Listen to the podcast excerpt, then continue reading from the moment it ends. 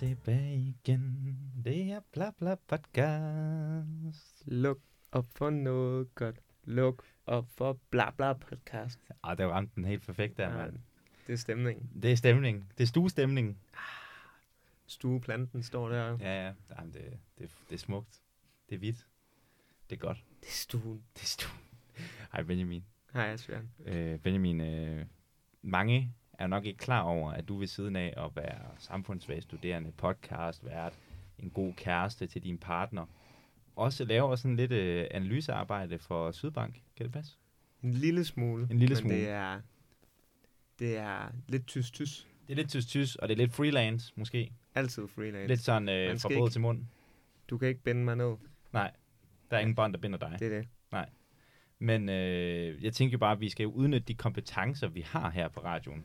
Giv nogle insider tips. Giv nogle insider tips, så Fortæl lidt om C20 måske. Det er det, du fisker det er lidt det, jeg fisker efter. Det var min Kan vi, analyse, kan vi altså, få til- en, øh, ja, kan vi få en C20-update måske? Jamen, som I måske også kan se udenfor, så er det en gråværsdag. Det er rødt. Stort set alle steder på, øh, på børsen i dag. I har røde tal. Og lidt sjovt, så kan man sige, at en af dem, som klarer det aller værst i dag, er Vestas. Hmm. Faldet med 5% i dag, så det er ikke så godt. Men øh, ja, den store vinder i dag, hvis man skal snakke, det er altid bedre at snakke om vinder. Vi Ja, har- hvem trækker feltet? vi har tre grønne i dag, og øh, det er en lidt atypisk en, man glemmer. Det er en Cinderella story. Det er, eller det er det ikke, for det er egentlig en, en stor kanon i dansk økonomi. Men det er øh, smykkeforretningen Pandora. Nå, det er Pandora. Det er Pandora. De har jo også fået effektiviseret ledelsen, og dermed deres cashflow, så vidt jeg forstår. Ja, det lyder øh, rigtigt. Ja. Det tror jeg ikke. Men jeg tror egentlig, det var alt i alt er markedet dårligt i dag. Hvor mange procent er vi nede med? Samlet set? Ikke særlig meget, så vidt Ikke jeg særlig meget. Ikke særlig meget. Det er 2 procent. Højst. Højst 2 Det tror jeg ikke engang, det er. Men Okay. det, det er lidt dårligt, for hvis man kigger på femdages prognosen, der har været femdøgns prognosen, så er vi ligesom begyndt at stagnere i dag, hvor der egentlig har været en tendens til, at vi er gået opad. Og hvis vi kigger på en månedsudsigt, så har vi lige haft, den sidste måned har været stærkt opadgående, men nu begynder vi altså lige så stille, ja, som sagt, at stagnere. Så det er ikke skide godt. Det lyder bestemt ubehageligt for aktionærerne derude især. Ja. Er du selv i uh, nogle af de aktier, der går ned i dag? Mm, ja, desværre er jeg i både Novo Nordisk og Ørsted. Og Ørsted havde også lige taget et lille hak. Men jeg er også i Danske Bank, som er gået lidt fremad i dag. Ja, jamen, Danske Bank, det er altid en vinder. Jeg købte jo Danske Bank i 88. Det er jo og bliver... er, og bliver 119. ja, men det er nemlig det. Det ser rigtig godt ud, Danske Bank. Den har, den har jeg vundet en del på. Ja. Den er jeg glad for. Nå, jamen uh, tak for den uh, lille det analyse. gang? Ja, og det bliver der helt sikkert en anden gang. Jeg glæder mig. Ja. Øh, og med det, så vil jeg øh, sige hej til dig, Søren. Goddag. Jamen, goddag med jer. Tak fordi du vil øh, være her i dag. Jamen, det var da så let. Søren, er du selv Er du aktier? Er du aktiemand? Nej, det gør Nej, jeg ikke. Overhovedet så, ikke? nej. Du er, du er mere på den der lange geologiske tidsalder, ikke? Det er den, det er den du arbejder med. Det kan man godt sige, at det går lidt for hurtigt, det I snakker om nu her. ja, ja, ja. præcis. Fordi, Søren, kan du ikke lige bare lige prøve at fortælle lidt om, hvad det er for noget arbejde, du øh, går og laver til daglig? Jo, jamen, øh, jeg arbejder sådan med geologi og vand og jord meget bredt. Så jeg plejer at sige, at jeg arbejder sådan med mennesker og både dem, der er levende og dem, der er døde. Og så i forhold til vores, vores jord og vores vand. Så det er sådan måske lidt usædvanligt, når man tænker på en geolog, at det så ikke er nogen hårde stene, mm. at jeg alene sidder og hammer på. Mm. Det er mere det, det levende klima på den måde. Det de store, øh, det er det, der bevæger sig. Der, Det er det, der er fascinerer sådan dig. landskabet derude, hvad, hvad der har flyttet sig, og hvad det specielt gør og for os som mennesker, både som jamen, individer i dag, men også sådan til, tilbage i tiden. Mm. Fuldstændig. Og mit indtryk er, at du er ret sådan bredt forankret. Altså, du har mange interessesfærer, som du, øh, du arbejder indenfor. Kan det passe? Altså, sådan, jeg har læst lidt op på dig, og jeg kan jo se, at du både har arbejdet med, øh, hvordan vi kan bruge non-invasive metoder til at undersøge sådan arkeologiske, historiske sites. Du har arbejdet med sådan grundvand, du har arbejdet med ja, sandbanker. For eksempel, Ja, ja. altså, Ja. kan du prøve at fortælle lidt om, om alt det arbejde, du, du går og, og bedriver? Jamen, øh, det er forskellige steder i verden, jeg sådan prøver også at arbejde med det, fordi at det, det er menneskene, jeg synes, der virkelig er spændende i forhold til vores jord og vores vand. Så, så noget af det, det er for eksempel drikkevand. Hvad vi putter i, i kaffen om morgenen, hvad betyder det for vores liv, livslange sundhed? Altså ikke bare lige om, om det er usundt i dag eller i morgen, eller, men der er også noget af det faktisk er super sundt for os, når vi ser på det på lang bane. Det er svar til, at når jeg drikker kaffen med det åbne vandhænden, så får jeg en lille bitte vitaminpille der hver eneste morgen. Så det er et af eksemplerne. Noget andet, det er for eksempel sammen med arkeologerne, altså sådan vores forfædre, hvad vi kan bruge af metoder og instrumenter over for naturvidenskaben, hvordan vi så kan forstå endnu bedre, hvad der er sket i fortiden, både hvordan miljøet har påvirket os, men måske også, hvordan vi så har påvirket miljøet om, omkring os. Så det er kollegaer sådan på universitetet, jeg prøver tit at arbejde sammen med dem. Det kan være fra folkesundhed, fra arkeologi, fra psykiatri, for eksempel også inden for biologiske dele som planteforskere osv. Så, videre. så det, det er mange forskellige facetter af, hvordan påvirker jorden os, og hvordan påvirker vi den, jeg prøver at kigge på. Og måske fællesnævneren er nok, at man kan sådan kalde det geomorfologi. Sådan meget bredt, det jeg tager fat i her. Altså, hvordan jorden ser ud, og hvad det er, der har formet den. Mm. Ja, for du har jo øh, været så sød at tage et lille udprint med til os her i, i studiet i dag. Du har simpelthen øh, lige printet sådan en øh, Wikipedia-side. Øh, for at forberede os. For at forberede os, når vi nu ikke selv kan gudsjammer lidt finde ud af det. Og det er, og det er Wikipedia-siden for geomorfologi. Jeg kan forstå, at det er en videnskabelig disciplin, der beskæftiger sig med landskabsformer, landskabets sammensætning og de overfladeprocesser, der foregår på jorden og andre planeter. Det lyder sådan meget kan du godt... præcist beskrevet ja. af, hvad, hvad det er, vi sådan helt overordnet arbejder med. Og så er det, jeg gerne vil have menneskene med ind i, i mm. den der store kabale. Mm. Fuldstændig. Mm. Men der er jo sådan lidt, øh, altså Wikipedia, den er jo ikke helt okay at bruge i bacheloren, kan man sige. Nej, den tror jeg ikke helt, at du vinder Nej. altid på. Nej, det er det. Hva, hva, men, du, men du har valgt alligevel et wiki-udprint, altså... Jamen, jeg tænkte, det var et godt sted at starte ja. nu her, sådan for at, ligesom at have bare nogle buzzwords, man mm. kunne begynde at tage fat på. For det kan være sådan noget med noget jord, eller noget sand, eller noget vand, eller noget is. Så det er alt sammen noget, der, der flytter på tingene, altså mm. noget, der sker i dag, lige så langsomt derude, eller måske i morgen, hvor det går rigtig stærkt, der kommer en eller anden helt ekstrem begivenhed. Men det er alt sammen noget, vi kan se ude i vores landskab rundt omkring os, enten i nogle søer, eller på nogle bakker, eller hvor, hvor det nu er, der, der ligger nogle bitte små ting, eller nogle kæmpe store fænomener, som, som der er sket på grund af, at der er noget, der har flyttet sig. Mm. Noget vand eller noget vind. Mm. Men noget af det, jeg synes, der var sindssygt interessant, som vi lige sad og snakkede om, inden vi gik i gang her med at optage, det var det her med, at når jeg tænker, når jeg tænker på, på landskabet og tænker på sådan jorden omkring mig, så tænker jeg ligesom, at vi er sådan lidt bare en art på jorden, og så sker der en masse ting på jorden, uafhængig af os, som vi så sådan tilpasser os til, som jeg også kunne forestille mig, noget du har forsket i. Men noget du så sad og fortalte lige inden vi, kom, øh, vi gik i gang med at optage, det var, at man altså også begynder nu at se, at nogle af de her større ændringer i vores klima, de faktisk er forsaget af mennesker. Ikke bare sådan lige her nu i de seneste 100 år, men også tidligere end det. At der er sket nogle ting man begynder i hvert fald at stille nogle spørgsmål om, hvad gør det for eksempel dengang i, efter at Columbus han kom til Amerika, og at vi fik nogle rigtig grimme sygdomme med om at slå rigtig mange af de indfødte indianer ihjel. Jamen, hvad har det egentlig gjort ved hele kulstofkredsløbet, ved at vi begyndte at få skov, i stedet for at de havde dyrket kæmpe, kæmpe store arealer, både på Nord- og Sydamerika. Kan det være med til at forklare, for eksempel den, vi har, som vi kalder den lille istid heroppe, hvor det blev en lille smule koldere generelt heroppe i Nordvesteuropa og Nordeuropa. Fordi at samtidig i den her koldere tid, så kommer der nogle kolossale vulkanudbrud, og dem ved vi godt, de gør det koldere, endnu koldere. Så hvis vi har det lidt koldere i forvejen, jamen hvad betyder det så, når vi får et, nogle vulkanudbrud oven i det lidt koldere? Om der så kommer noget endnu, endnu værre, og det er det egentlig, vi så har opfattet som den lille istid. Det er kombinationer af vulkaner og noget menneskeskabt ændring i, i hele kredsløbet af kulstof på den her planet. Så, så det er sådan nogle store spørgsmål også, man begynder at stille sig. Hvordan påvirker vi mennesker vores planet sådan på den lange bane?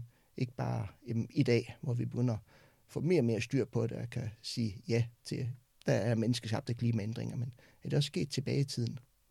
Hmm. Men dit, over, dit perspektiv, jeg ved ikke engang, kan, om man kan snakke om et nationalt perspektiv, men når man snakker om geologi, men har du primært fokus på Danmark, eller er det verden, og kan man snakke om den danske natur, eller det danske klima, eller hvad man skal kalde det, isoleret set, eller bliver man nødt til at se på det i noget, der hedder en europæisk sammenhæng, eller en verdenslig sammenhæng? Jamen, vi kan helt sikkert se det på det. Kig ud i haven, eller mm. kigge uden for på kysten, og vi går en tur eller ind i skoven. Så vi kan helt sikkert ligesom sige, at vi har noget her i Danmark, et, vores landskab, vi har vores vejr, som, mm. som jo det, vi, op, vi forstår i vores vir, virkelighed. Klimaet er jo noget, der er meget mere abstrakt og strækker sig over årtier. Så, så, så svaret er, jo, jeg, jeg forsker både sådan det helt lokale landskab, hvordan ser, hvorfor ser det ud, som det gør, når jeg nu går en, en tur ud over markerne eller ind i skoven, men men også sådan på det store globale skala. Er der nogen, kan vi lære noget for det, vi ved i Danmark, tage det med til Afrika for eksempel, eller til Sydamerika, tage noget af deres viden og bringe herop og se, jamen, hov, der er faktisk noget, vi har overset heroppe, mm. i forhold til, at, at man har en helt anden erfaring og en helt anden historik i vores, jamen, vores landskab, og hvordan vi forstår hele, jamen, både vores vand og vores, og vores jord i dag. Mm. Altså, jeg synes jo, det er sindssygt interessant, lige netop det der spørgsmål, ikke? Altså sådan, hvad, når vi går en tur på marken eller ved stranden, ikke? Mm. Altså, hvad er det? Altså sådan, hvad er det, der har gjort, at der ser ud, som det gør? Ja. Altså, det er jo, det kan jeg godt forstå. Det tror jeg, der er mange, der ligger sådan om, mm. på stranden om sommeren og i solen og, og spekulerer over, hvor kommer sandet fra? Mm. Hvorfor, ja. er der, hvorfor er der lige sand her? Er det, er det kommunen, der er kommet med en lastbil og har gjort det bedre? Eller, eller hvad er det, mm. der, der er skyld i, at der lige er sand her? Eller hvorfor har jeg var der en stor sten, jeg kom til at sparke til. Øhm, og det er alt sammen noget geomorfologi, der sådan har, har flyttet det, hvis det er naturligt vel at mærke, altså hvor det er bølgerne ude ved havet, eller det er isen dengang, vi havde en kilometer eller halvanden is hen over hovedet af, hvor vi sidder nu her i Aarhus. Så er det den, der har, så er det isen der simpelthen lige så langsomt har skubbet tingene hen, hvor vi er her. Så, så det er alt sammen noget dynamisk, der har skabt det, det vi sidder på. Og vi tænker bare ikke på det i dag. Vi har sådan vil tænke på det, jamen det er fuldstændig statisk, altså. Der er ingenting, der flytter sig, og hvis der er noget sand, der blæser et eller andet sted hen, så skal vi skynde os at ringe efter en gummiged og få det flyttet igen. Mm. Eller skynde os at få plantet nogle planter ovenpå, sådan at det endelig ikke flytter sig. Så mm. folk, de er, har ikke, ser ikke så meget jord, som man egentlig måske har gjort for 50 år siden, og specielt for, for 200 år siden. Det er vi, ikke, vi er ikke vant til at se det længere. Asfalt og fliser ja, har fjernet det. Mm. Det er det, vi vil have. Jeg ved ikke, om det er det, vi vil have, men, men nogle steder er det i hvert fald en, en mangel mm. bare, sådan at man kan gå ud og, og se på nogle processer. Kysten ved Aarhus, vi har jo massevis af kystsikring, fordi at vi, eller i hvert fald lodsejerne inde bagved, jamen de vil ikke have, at, at deres hus forsvinder, eller sommerhus forsvinder, eller, eller bare noget landbrugsjord forsvinder. Meget få steder tillader vi, at, at vi bølgerne, de gnaver lige så stille, som de har gjort de sidste i hvert fald 7.000, 10.000 år her, hvor vi er. Så, så det er en, vi prøver at konservere. Mm. Det er en del af mm. Paradigmet, som udtalt i, i sådan meget vores så naturbeskyttelse. Men hvorfor ja. skulle man også lade... lade... Det, det, det er det. Der er ja. ikke, hvorfor, det. Det ændrer noget. Der er nogen, der ejer noget, noget så, så det er farligt. Mm. Øh, ude ved Vestkysten er jo det bedste eksempel, at der er nogen, der mister deres sommerhus ved, at vi bare lader naturen fortsætte, som den har gjort derude i, jamen, i hvert fald de sidste 13-14.000 år, hvor, hvor Nordsøen bare har flyttet sig længere og længere og længere ind. Øhm, og det vil vi så ikke acceptere i dag. Mm. Nogen steder i hvert fald. Og så kalder vi det klimaændringerne, og så siger vi, jamen nu, skal der, nu vil vi gøre noget imod det. Mm. Og så kommer debatten, jamen hvor, hvor har vi råd til at gøre noget ved det henne? Mm. For det er ekstremt komplekst hvor der både er vand og noget jord ind, og specielt når der er så meget energi, som der er i Nordsøen, når der virkelig er storm, så kan historisk har kysten let kunne flytte sig en 10, 20, 50 meter bare lige hen over en weekend, når man virkelig har en ekstrem stor storm, der kommer fra den rigtige retning. Men det er vel også utroligt dyrt, altså at skulle regulere naturen, tænker jeg, eller hvad? Vi, gør det hele tiden, mm. uanset hvad, så vi gør det måske bare sådan u bemærket, altså, og, og kystsikringen har vi jo gjort på utrolig mange strækninger i Danmark, altså inddæmninger. Forskellige procent af Danmarks areal er egentlig bare inddæmmet havbund, hvor man tidligere sagde, at nu skal vi have landbrugsjord der i stedet for. Mm. Og så er der noget, man så har givet tilbage til naturen. Vejlerne for eksempel, og vi ser andre steder, Filsø også nu her, hvor man har, har tørlagt det. Men nu kalder vi det så naturgenopretning, men det er noget andet natur, end det der var, dengang vi startede. Så det er også nogle interessante diskussioner. Hvad er det for noget natur, vi vil have?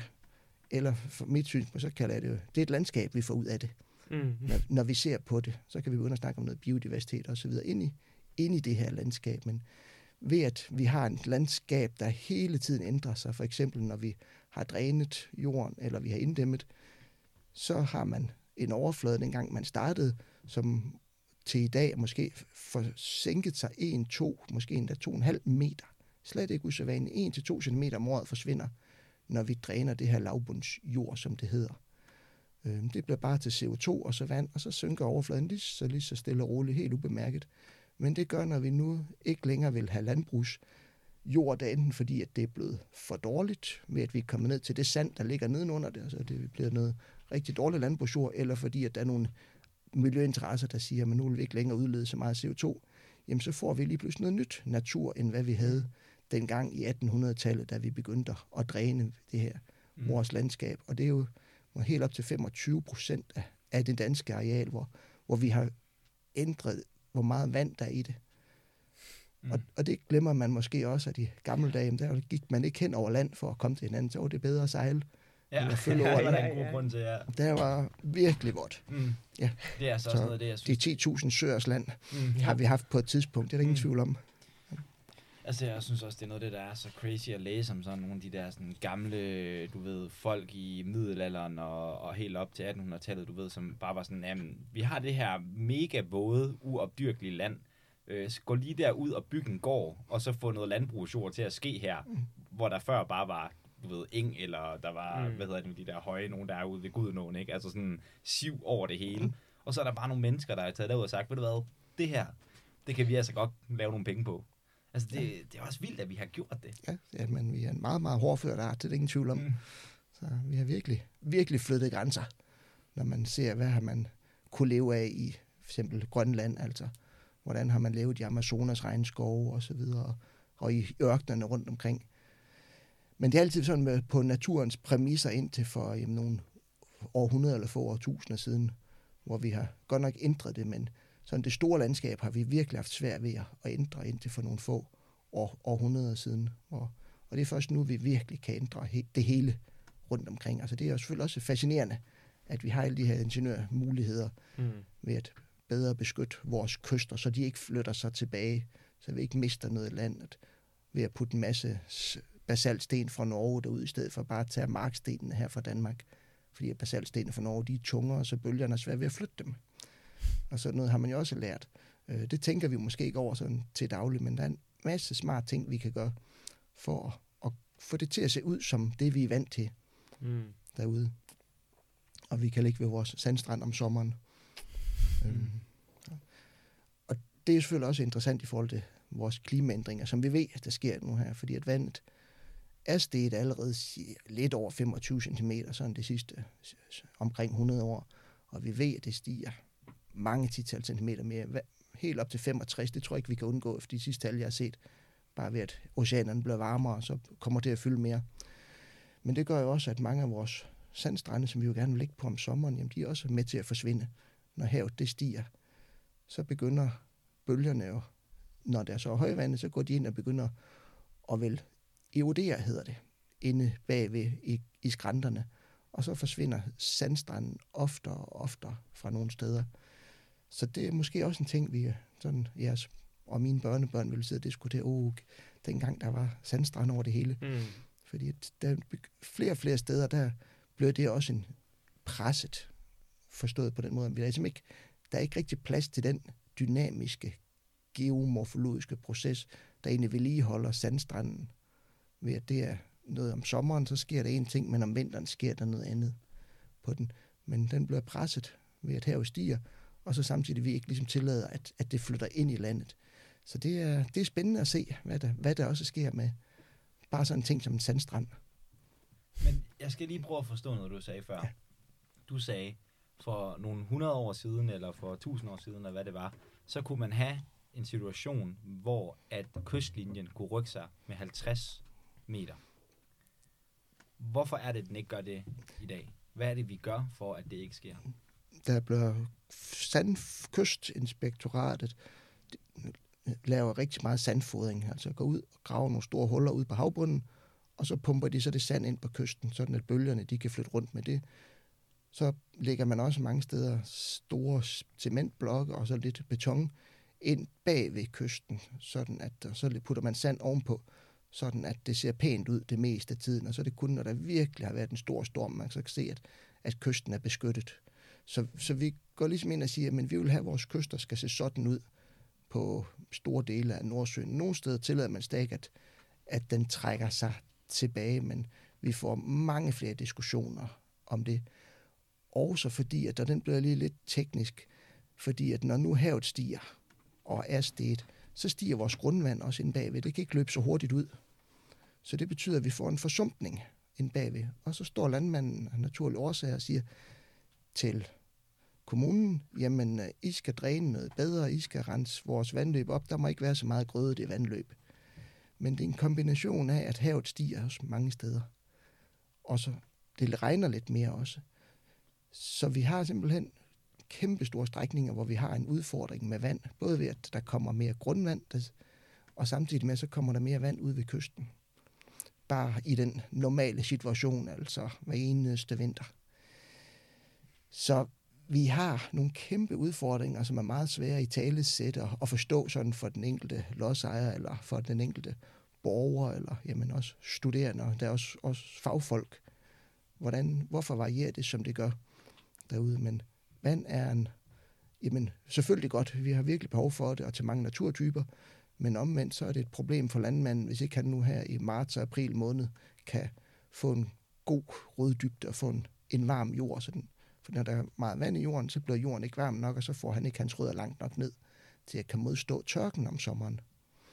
Så det er rigtig, rigtig mange faktorer, som man kan sige, jamen der er noget klima i det, men omvendt så er det helt almindelige processer, hvordan planter og dyr og mennesker, vi har det fungerer sådan i, i det daglige år efter år efter år ja, nu sender jeg, for jeg godt se, at der kommer lidt hvid i øjnene nej, det er slet ikke, nej, det er slet ikke hvid i øjnene. Det er, hvad, hvad skal man kalde det? Ja, altså, noget, det, det jeg egentlig bare kommer til at tænke over, det er, hvorfor er det, at vi, og det kan være, at det er sådan en, øh, jeg bor inde i byen, så derfor er jeg ligeglad med landmanden, mm. men hvordan kan det være, at det er det offentlige ansvar at dræne landmandens jord? Altså, og, og er der noget, vi kan gøre i forhold til det her? For det lyder som et problem, der bare kommer til at stige i takt med, at, ja, med tid, eller hvad man skal sige. Jamen, det, det kommer til at oftere og oftere, så får vi problemer med, at mere og mere områder bliver dårligt drænet. Det kan være i sommerhusområder, det kan være ude på, på landmandens mark. Så jo, det, det er velkendt, det stiger. Og spørgsmålet er, hvad vi kan gøre ved det, hvad vi skal gøre ved det. Øhm, vi, vi kan gøre det, at vi kan hen, hvor åen løber ud i havet, så kan vi sætte en god, stor grundforspumpe ned i vandet, og så kan vi løfte vandet fra åen op i havet. Mm. Så løser vi det problem. Det er sådan hollænderne klarer den her situation, at landet det sætter sig ud ved kysten primært til, og samtidig stiger havet. Og vi vil gerne blive ved med at bevare og have noget, noget godt landbrug og nogle sommerhusområder og nogle byer. Men kunne så, man ikke også tænke, det var et, et vink med et vognstang om, prøv at mærke, hvis vi skal bruge så mange penge på at dræne det her grund, mm. så er det måske fordi, du i virkeligheden burde flytte. Eller? ja, men det, det er nogle rigtig, rigtig gode spørgsmål, og der kommer vi ligesom privat ejendomsret, kommer jeg også ind der. Ja. Hvad må den enkelte, der bliver berørt af en beslutning fra nogle fagfolk et eller andet sted, som ikke er mig, men mm. hvad, hvad, hvad, vil de have, hvad vil de have lov til at gøre? Og selvfølgelig kommunalbestyrelserne vil jo gerne hjælpe deres lokale borgere med at, at blive ved med at bevare det, de ejer. Mm. Og det sker ikke i morgen, det jeg taler om nu her. Det sker måske dårligt nok i min levetid, men det kommer lige så stille og roligt. Større og større arealer. Og så endelig, når der så kommer virkelig en stor storm, som jamen, Allan og Bodil, som nogen kender, og 81 stormen og 69 stormen tidligere også, så er det, det går helt galt. Og så får man virkelig syn for savn om, at mm. jamen, hov, der er noget, der ændrer sig lynende hurtigt. Og det er sådan med, at vi har noget, der går lige så stille, det jeg kalder sådan funktionær tilgangen fra 8 til 4 hver eneste dag.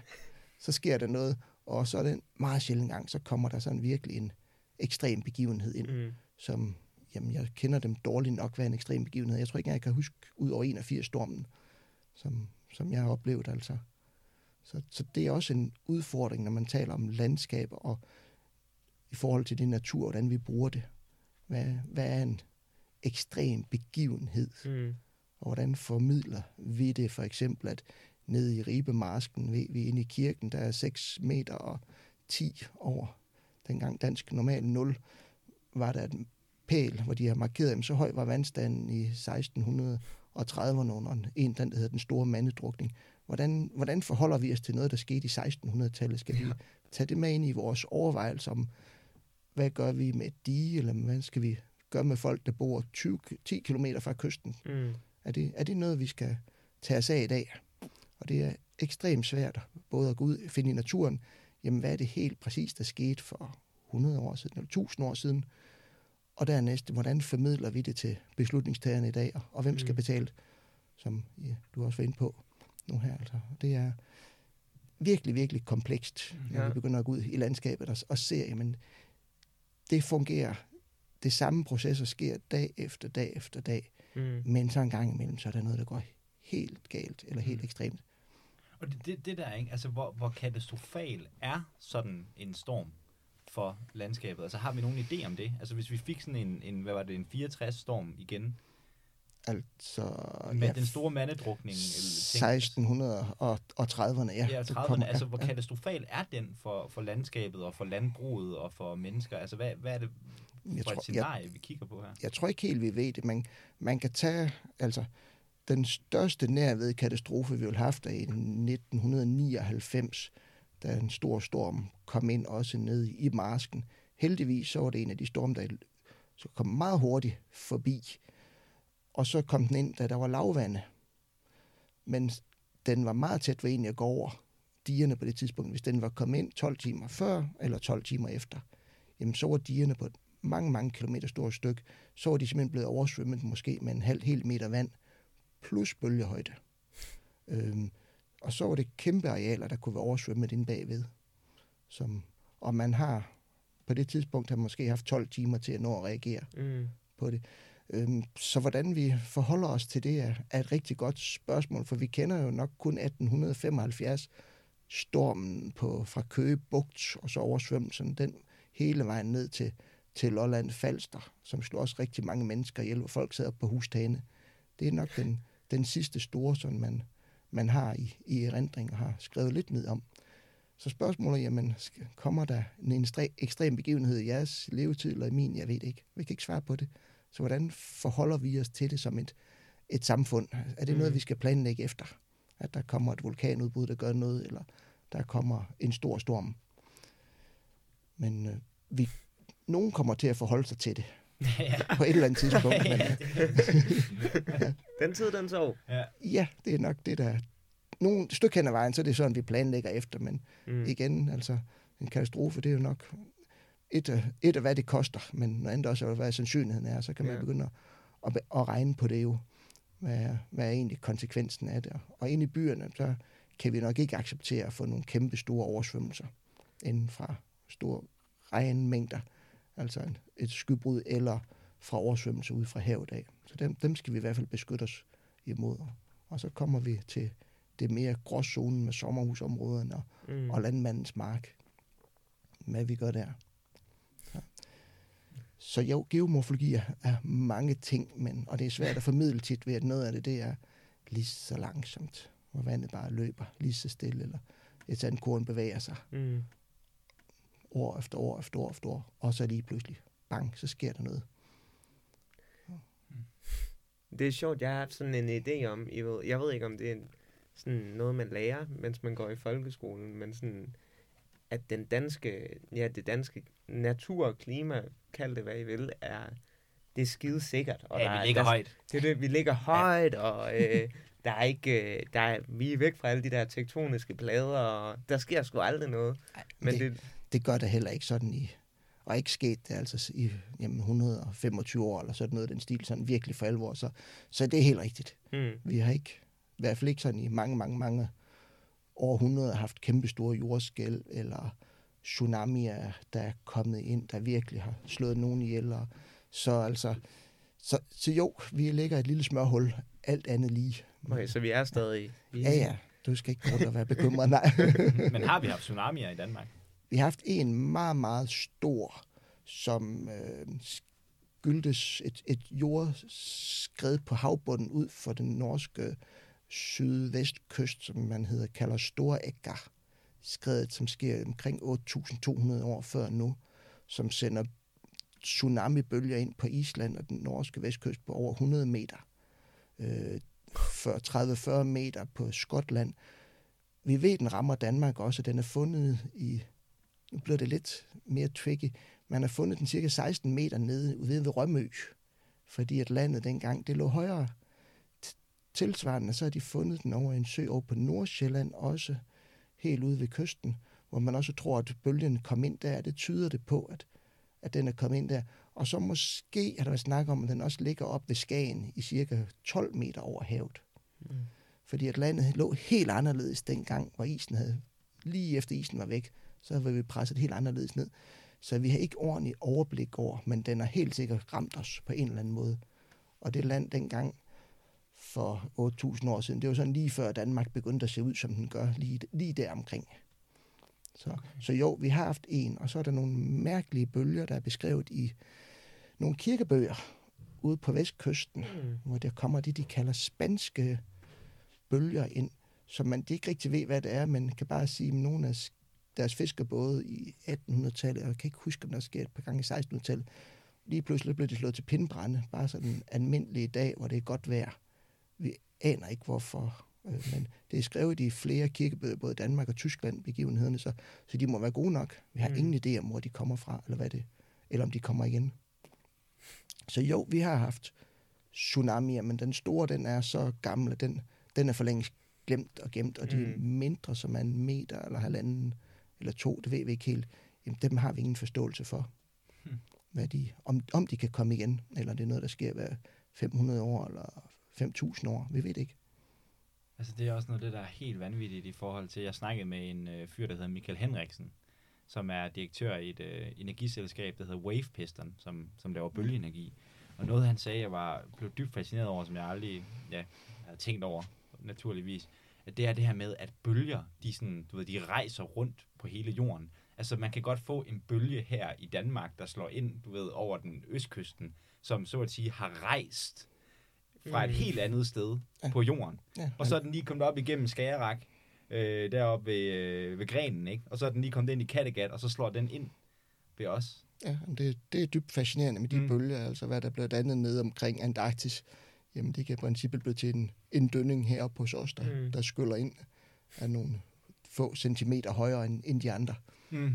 Men øh, stad, stadigvæk en, en lille bølge, så, så havet er en helt fantastisk størrelse også, og, og ekstremt vigtig sådan også for geomorfologien, altså hvorfor ser vores landskab ud, som, som det gør, specielt i Mm. den nordlige del af Danmark, ved at det har hævet sig.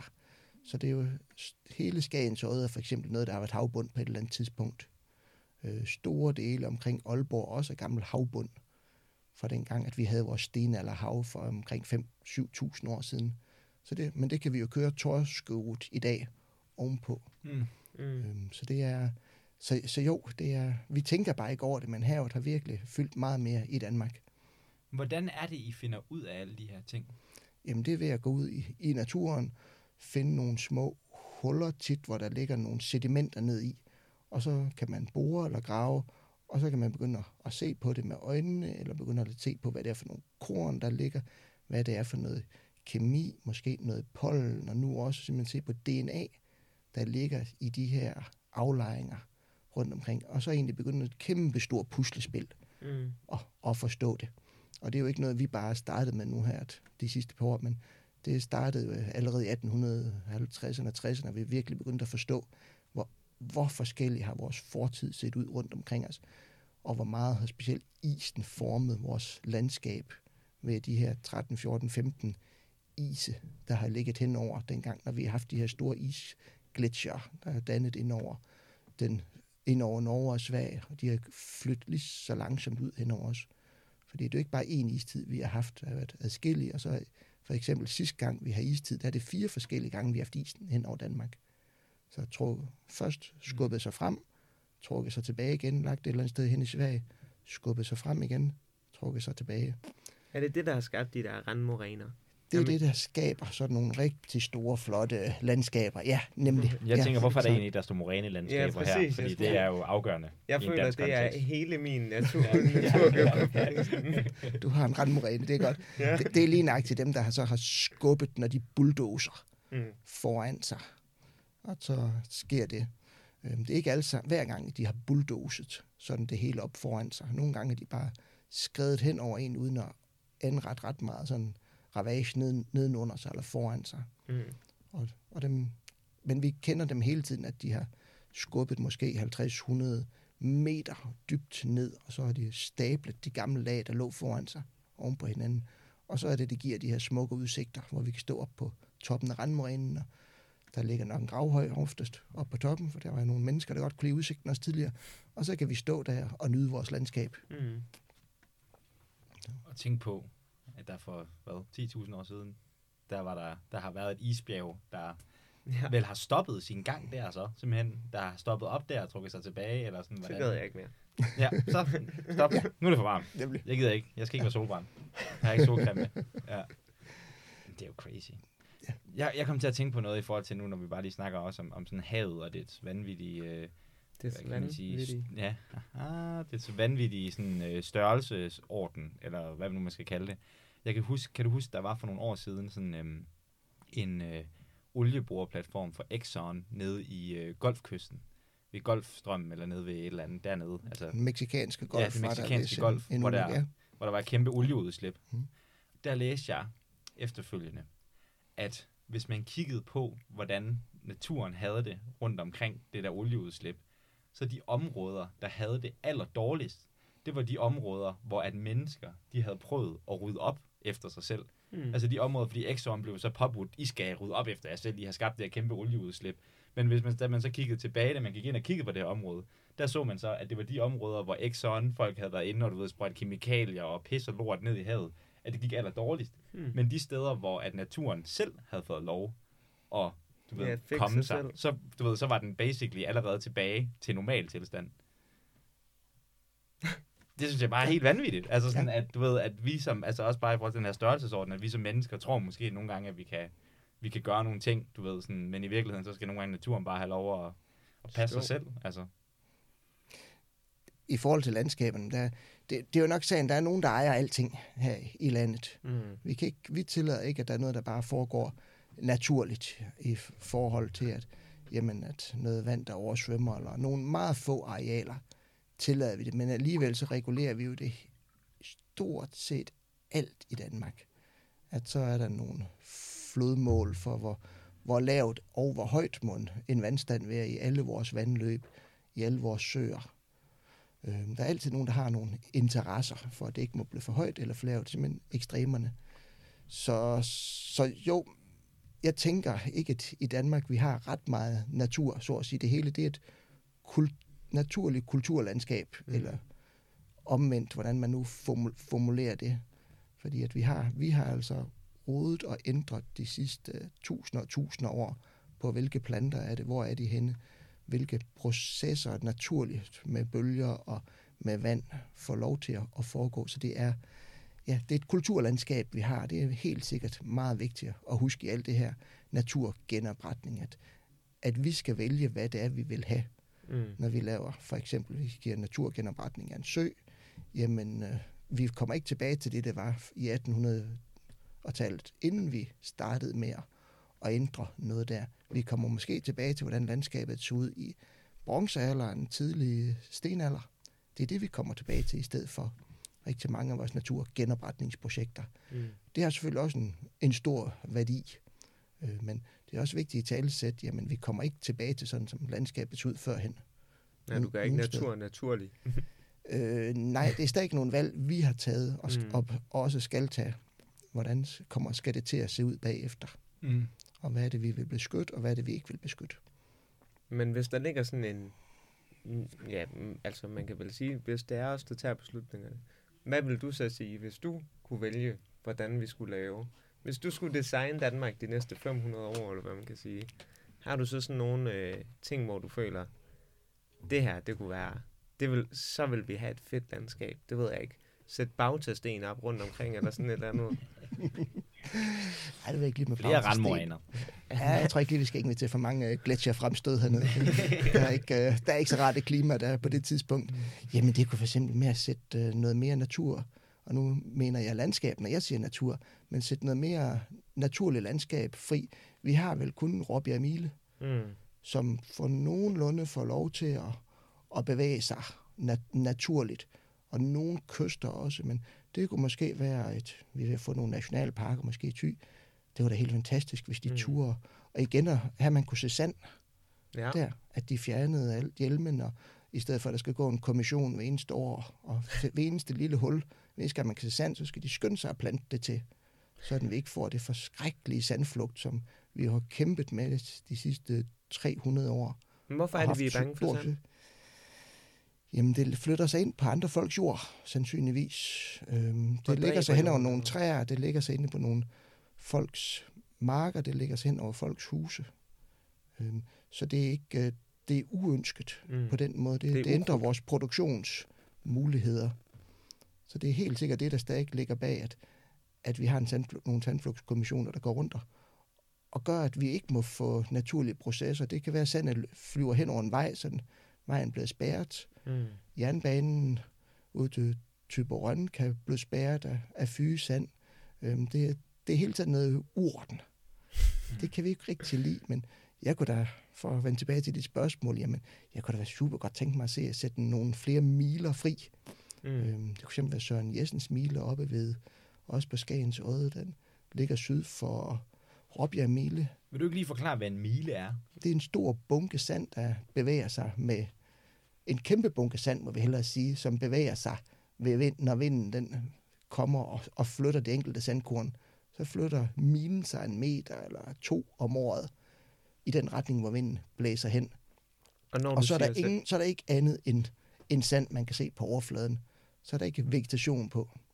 Det er faktisk. Mm. Ja. Og hvordan tror vi, de her miler de er blevet dannet? Jamen, øh, det er noget at gøre med ved kysten. Vi har nogen forståelse for, hvordan de er blevet dannet. De fleste milerne er blevet beplantet med hjelme, og dernæst med marhalm, og nu med alt muligt andet opvækst. Men, de, men vi ved, det der sker derude ved kysten, så kommer der hele tiden sand ind, som de fleste, der har ligget på en sandstrand, har, har opdaget, at når det blæser en lille smule, så hopper der sand hen på en, og det kilder lidt. Men det sker også specielt, når der er meget vestenvind. Og så det sand lige så stille og roligt bygger en klit helt ude ved kysten, højere og højere og højere. På et eller andet tidspunkt bliver den så høj, at der skal en lille ting til, for at det egentlig går hul i det vegetation, der er på den. Og så kan hele stranden, klitryggen bag stranden, så kan det begynde at flytte sig ind af. Og så er det, det laver sådan nogle miler. Mm. Øh, nogle af dem har sådan en utrolig smuk V-form, som vi kalder en parabel i stedet for. Men dem har vi alle sammen gjort sådan, at de ikke får lov til at bevæge sig længere. Men det kunne være helt fantastisk også, hvis man kunne fjerne vegetationen. Det ved jeg ikke, man kan i dag, ved at vi har fået så mange eksotiske arter ind. Men de bedste eksempler ligger oppe ved Klim, der hedder Nørre og Søndermile. Fantastisk sm- smukke landskabsformer indtil at det lykkedes, at, at man fik stabiliseret det sand. Og det er jo selvfølgelig en succeshistorie Mm. for vores tip-tip oldeforældre og oldeforældre. Øh, men spørgsmålet er, om, tør vi at slippe nogen fri i dag? Mm. Så, så jo, det, det var sådan, at jeg kunne tænke mig at se, at vi slipper, slipper en, en mile fri. Mm. Ja. Jeg, får, jeg kommer til at tænke på det som sådan uh, Pacific Rim eller sådan noget, at de her uh, miler, det er sådan nogle kæmpe, du ved, Ja, organismer. Ja, og så er vi sådan, skal vi have en kamp mod det her, så er det sådan menneskehed mod milen, så skal vi sådan, kan vi, kunne vi sådan styre milens gang sådan rundt, kunne man, tror man kunne gøre det, det tror man kunne det- manipulere den, sådan, det- at den kunne gå tage på turné, sådan ligesom Ja, et det bliver nok lidt svært, så skal du have en stor gravmaskine i hvert fald. Okay, ja. Oplev Ja. milen i Ja. dit by. Ja, ja, nemlig. ja, fordi at den eneste, vi kender, Mile, jamen, den havner jo, hvis alt andet lige fortsætter som den nu, jamen så havner den jo ude i, i Kattegat om et par hundrede år. Så har vi ikke den længere. Og den er altså en stor turistattraktion. Det er det bestemt, ja. Selvom det ikke er en, en nationalpark deroppe, men så trækker det rigtig mange turister til jer. Øh, så man kunne godt sætte en, kigge på en anden en, vi siger, jamen, så kan vi at vi har den de Man næste godt- 300 år, det det. og så sætte den fri Så har også. vi en ny Måske klar, ja. en mile Så har vi en uh, turistattraktion mere, der er flere spændende kandidater. Men igen, det vil påvirke nogle menneskers jord, Mm. og måske endda også ejendom. Men det gør det jo også, når vi bygger en motorvej, for fanden. Altså, Golfbaner, Ja, kunne man kunne blive ved, ja. jamen det er det. Ja. Men Så hvad, det, det er beslutninger, hvad er det, vi vil med vores åbne land? Og hvordan vil vi, hvad, hvad er det, vi vil se det ud af? Hvad oplevelse vil vi have? Mm. Altså noget, som jeg synes også kan være et argument for, at man gør det her, det er jo, at en ting, jeg i hvert fald har hørt, det er, at det danske korn, sådan i en global kontekst i hvert fald, også bliver set som noget af en ret lav kvalitet. Altså at vores, vores landbrugsjord øh, jord er ikke noget af det, der sådan sælger hot. Altså det er sådan noget, der bliver brugt som dyrefoder. Så måske er det også bare lidt en, altså en død industri, det er på tide at få lagt i... Øh, altså, jeg spørger, mit spørgsmål er, kunne vi, kunne vi tjene mere på miler, end vi kunne på vores landbrug? Altså det kan da godt være. Hvis vi var landet med de 1000 mile, ikke de 1000 øh, søer, men de 1000 mile, det kunne da være meget øh, blæret. Jeg- Jeg tror lige med milerne, der, der er det egentlig noget hede og noget Mm. mm. plantager, nåletræsplantager, det vil komme til at gå ud over i jamen, både min og mine børnebørns tid. Så, så det vil ikke ret stor betydning for jamen, noget produktionsjord. Okay. Øhm, så så det, det er et valg, man skal tage. Jamen, tør vi og vil vi sætte en, en anden geomorfologisk proces fri? Ja. Og kan vi i det hele taget gøre det, fordi at der er kommet så mange nye eksotiske planter ind, som, som bedre kan leve i det? Eller skal vi have hele tiden turister, der går og tramper i det, Mm. for at, at holde det åbent? Det er jo en, nogen påstår, at det er derfor, vi stadig har Råbjerg Emil. Det er fordi, der er så mange turister, der hjælper med at holde ro i den. Mm. Tidligere har det nok været forerne ude på. Der har også været bidraget til, at vi har haft de her rigtig, rigtig, rigtig mange indsander og parabelklitter og miler, der simpelthen har spist opvæksten. Og det gik jo mange drenge rundt og, og vogtede dem og, og gamle mænd Mm. i bare for jamen, 200 år siden, hvis vi sætter det så meget tilbage. Så det kan godt være, at vi også skal have nogle, noget rewilding med ind i det. Fuldstændig. Hvad får dig til at sige, at det kun er, at det er mestendels i hvert fald øh, plantager, altså nåletræsplantager, det vil gå ud over? Det er fordi, at det på, milerne ligger på de steder, der er rigtig meget sand ude ved kysten. Mm. Og der er blevet alt andet lige det, der er i dag, det er plantager. Man, fordi det er simpelthen for dårlig landbrugsjord. Så enten så er det blevet plantet, tilplantet i 1800-tallet, eller så er det taget ud som marginaljord senere hen fra, da det begyndte Mm. at komme i 80'erne. Eller så har man simpelthen opgivet det i løbet af 20'erne, 30'erne, 40'erne, 50'erne i sidste århundrede. Mm. Så Så de bevæger sig langs kysten. væk fra kysten. De bevæger sig væk fra kysten Syd. ind i landet. Fra syd, sydvest, og så op imod nord, nordøst. Alt andet lige. Det er vores fremherskende vindretning. Så flytter det sig lige så stille og roligt en meter eller to om året. Så, så det er ikke sådan, at man skal være bange for, at man lige får en, der hopper på nakken af en. Hey. Men så kan jeg ikke forstå, hvorfor den ikke vil komme, hvis den bevæger sig skråt op over Jylland. Ikke? Mm. Hvorfor er det så, at den ikke vil komme til at ligge ovenpå landbrugsjord? Og men Den det, rejse. igen i din og min levetid, så, så kan man godt se, hvor mange kilometer Mm. mm. i den retning, hvad ligger der der. Okay. Øhm, så kan man overlade diskussionen til, til vores børnebørn, men synes de, det er sjovt. Ja, og Altså- lege med miler. Eller, ja. eller kan se det. Mm. Og ikke kun ud ved kysten. Så, så det kunne være, altså igen, vende tilbage til spørgsmålet, jamen det, det kunne være en ting, man kunne, man kunne ligesom prøve at sætte fri og se nogle flere processer, fordi at ellers så er det jo, på vestkysten er det helt tydeligt også, men vinden har vi svært ved at- at se. Øhm, vandløbene er blevet mange sådan naturgenoprettet og restaureret, og der tillader man rigtig mange steder, jamen nu begynder de lige så stille og kan få lov til at flytte sig fra side til side. Men det er ikke noget, vi kan se fra den ene dag til den anden. Det er noget, der flytter sig jamen, 10 cm hver eneste år til den ene side eller til den anden side. Der ser det ud som bare vandet løber, som det altid har gjort. Mm. Øhm, så, så det er lidt sværere at få lov til at, at se det der. Ja. Og så er der så de store begivenheder, som katastroferne, som jamen, oversvømmelserne ved stormfloderne. Dem, dem skal vi helt sikkert undgå, hvad, hvad vi nu kan. Men omvendt Mm. Er, det kan også være, at, at det påvirker så meget andet at, at i vores landskab, at, at vi egentlig får problemer med at, at kan gøre det. Men, men de fleste steder, der, der kan vi gøre noget, hvis vi vil betale for det. Men Mm. med de mange tusind kilometer kyst, vi har, jamen, så tror jeg ikke, at samfundet vil betale for, for at, at gøre det ved alle kyster. Og jeg har også set, at, at der er udarbejdet nogle kort, der simpelthen siger, at de her steder foreslår vi, der gør vi ikke noget, og de her steder må vi gøre noget, men det er Mm. hele tiden en konflikt imellem, jamen, hvad, hvad vil samfundet betale? Hvad mener lokalpolitikerne? Hvad mener landmanden? Hvad mener ham, der har hans sommerhus der? Mm. Og hvad synes dem, der, der bare går og nyder det, og gerne vil se det derude? Så der er rigtig mange sådan potentielle konflikter i, at hvis vi skal få lov til at se noget mere sådan dynamisk i vores landskab. Men Det, det er sjovt. De her, kan man, er der ikke noget, vi vil kunne gøre, som gjorde altså noget af miler, men som samtidig var utrolig funktionelt for os mennesker? Noget, der vil være en god business. Og ikke bare tiltrække flere turister. Jamen, det er det. Ja. Det Mm. tror jeg, vi for længst er. Vi har udnyttet det, som ja. kan udnyttes ved, at, at ja, det har taget årtusinder Mm. at, at komme dertil, hvor vi, vi, vi gør det i dag, altså med vandkraft, som ikke gør længere, vindkraften, og vi er også kommet rigtig langt med. Øhm, landbrugsjorden, vi også udnytter helt, og helt, altså prøver virkelig at optimere det, sådan at vi flytter os fra den klimazone, vi har nu, og så prøver landmanden at lave sådan en jord, som man normalt har inde på stepperne. Det er det, der er hans idealsituation, hvor man har høj pH-værdi, massevis af næringsstoffer, så er det naturligt, så er det meget, meget sjældent her i vores klimazone, ved at vi har meget nedbør. Men, men det er ikke der, hvor han, han gerne vil have hans jord. Så, Mm. så, så jo, vi ændrer på det hele tiden og har virkelig optimeret på det, hvordan, Mm. vi, hvordan vi udnytter det og- og tjener penge. Mm. Så, Nu var der de fleste danskere med i hvert fald sådan en rudimentær øh, forståelse for historien, de har jo godt hørt om den store landbrugsomlægning, hvor vi omlagde til svinelandbrug og lavede en god skejs på det. Er- der, er der noget, kan man sige, ser du nogle tegn i udviklingen af klimaet, som kunne nødsage os til at skulle tænke nyt i forhold til, hvad, hvad vi dyrker og hvad vi ikke dyrker? vi har ved at få sådan noget klimalavbundsprojekt, der hedder det nu her. Og det bliver spændende at se, hvor mange 10.000 eller 100.000 hektar vi, vi egentlig gør våde igen i vores ådale.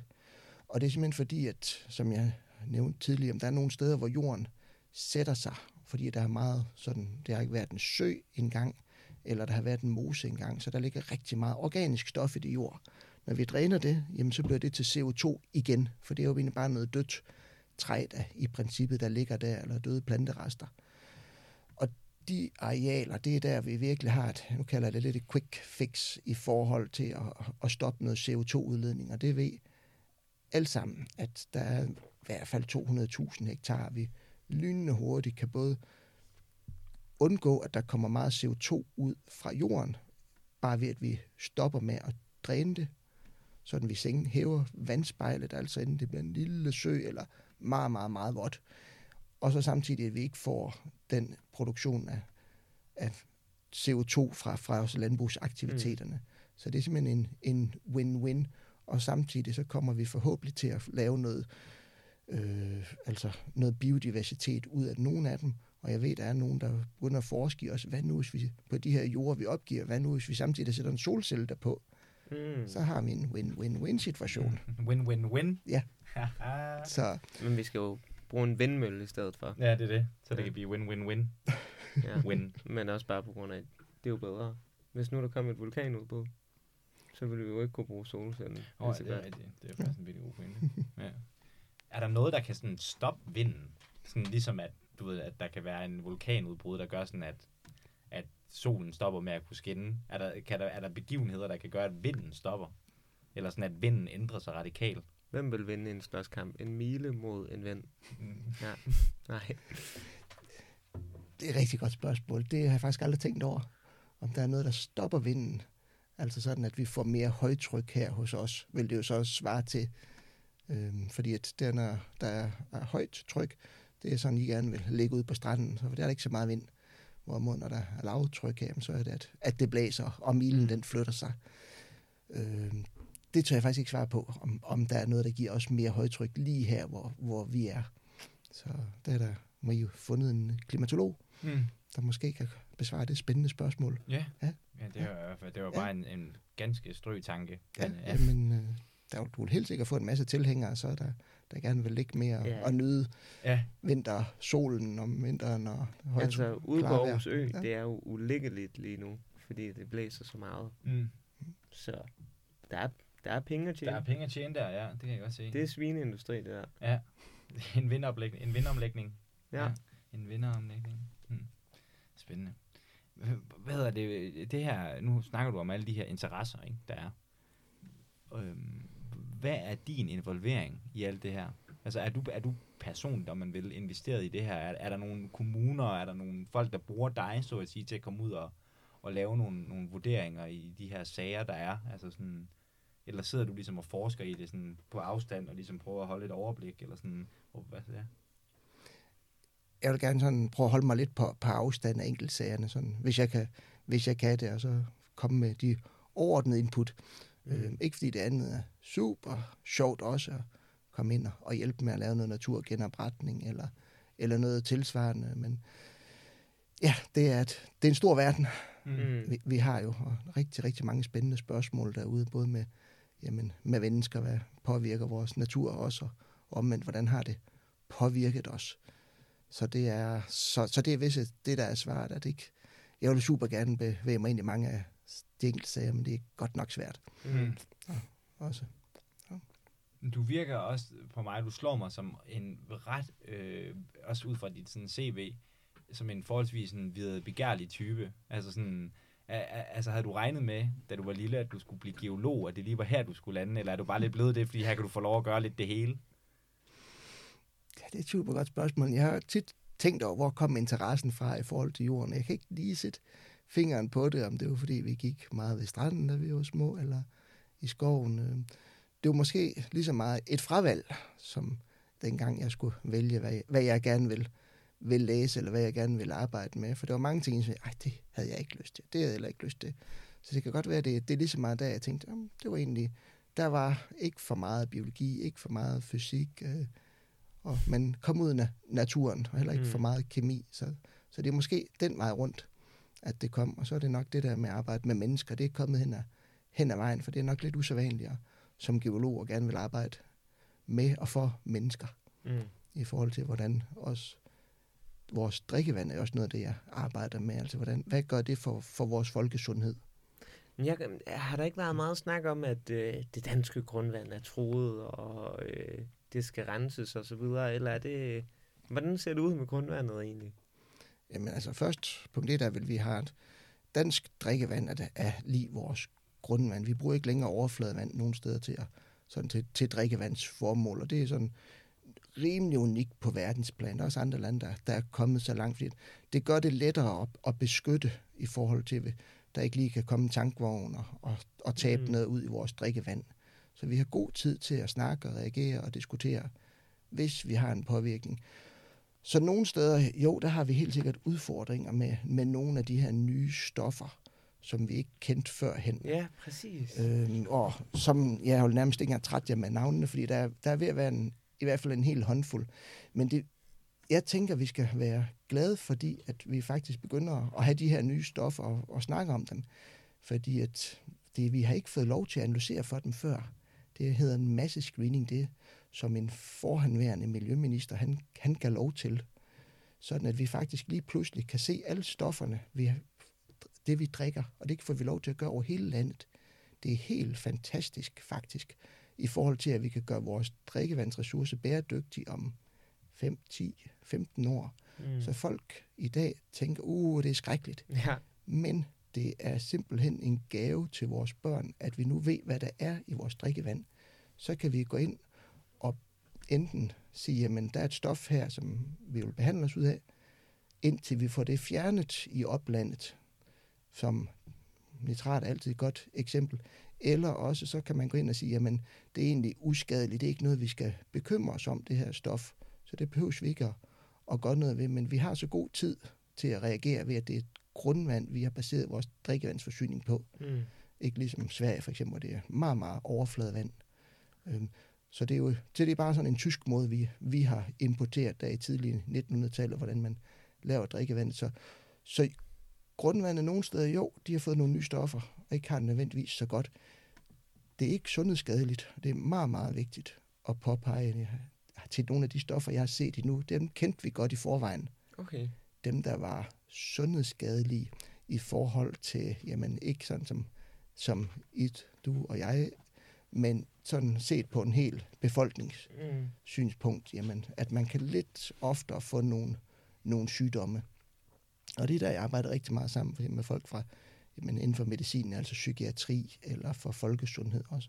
Og det er de jo super gode til at, at forske i, hvor vi så kommer og siger, men vi har det her, det drikkevand, vi kan fortælle, I har boet nogle forskellige steder i jeres liv, det har vi CPR-registret til, der sådan hemmeligt kan sige, jamen, du har boet der og der.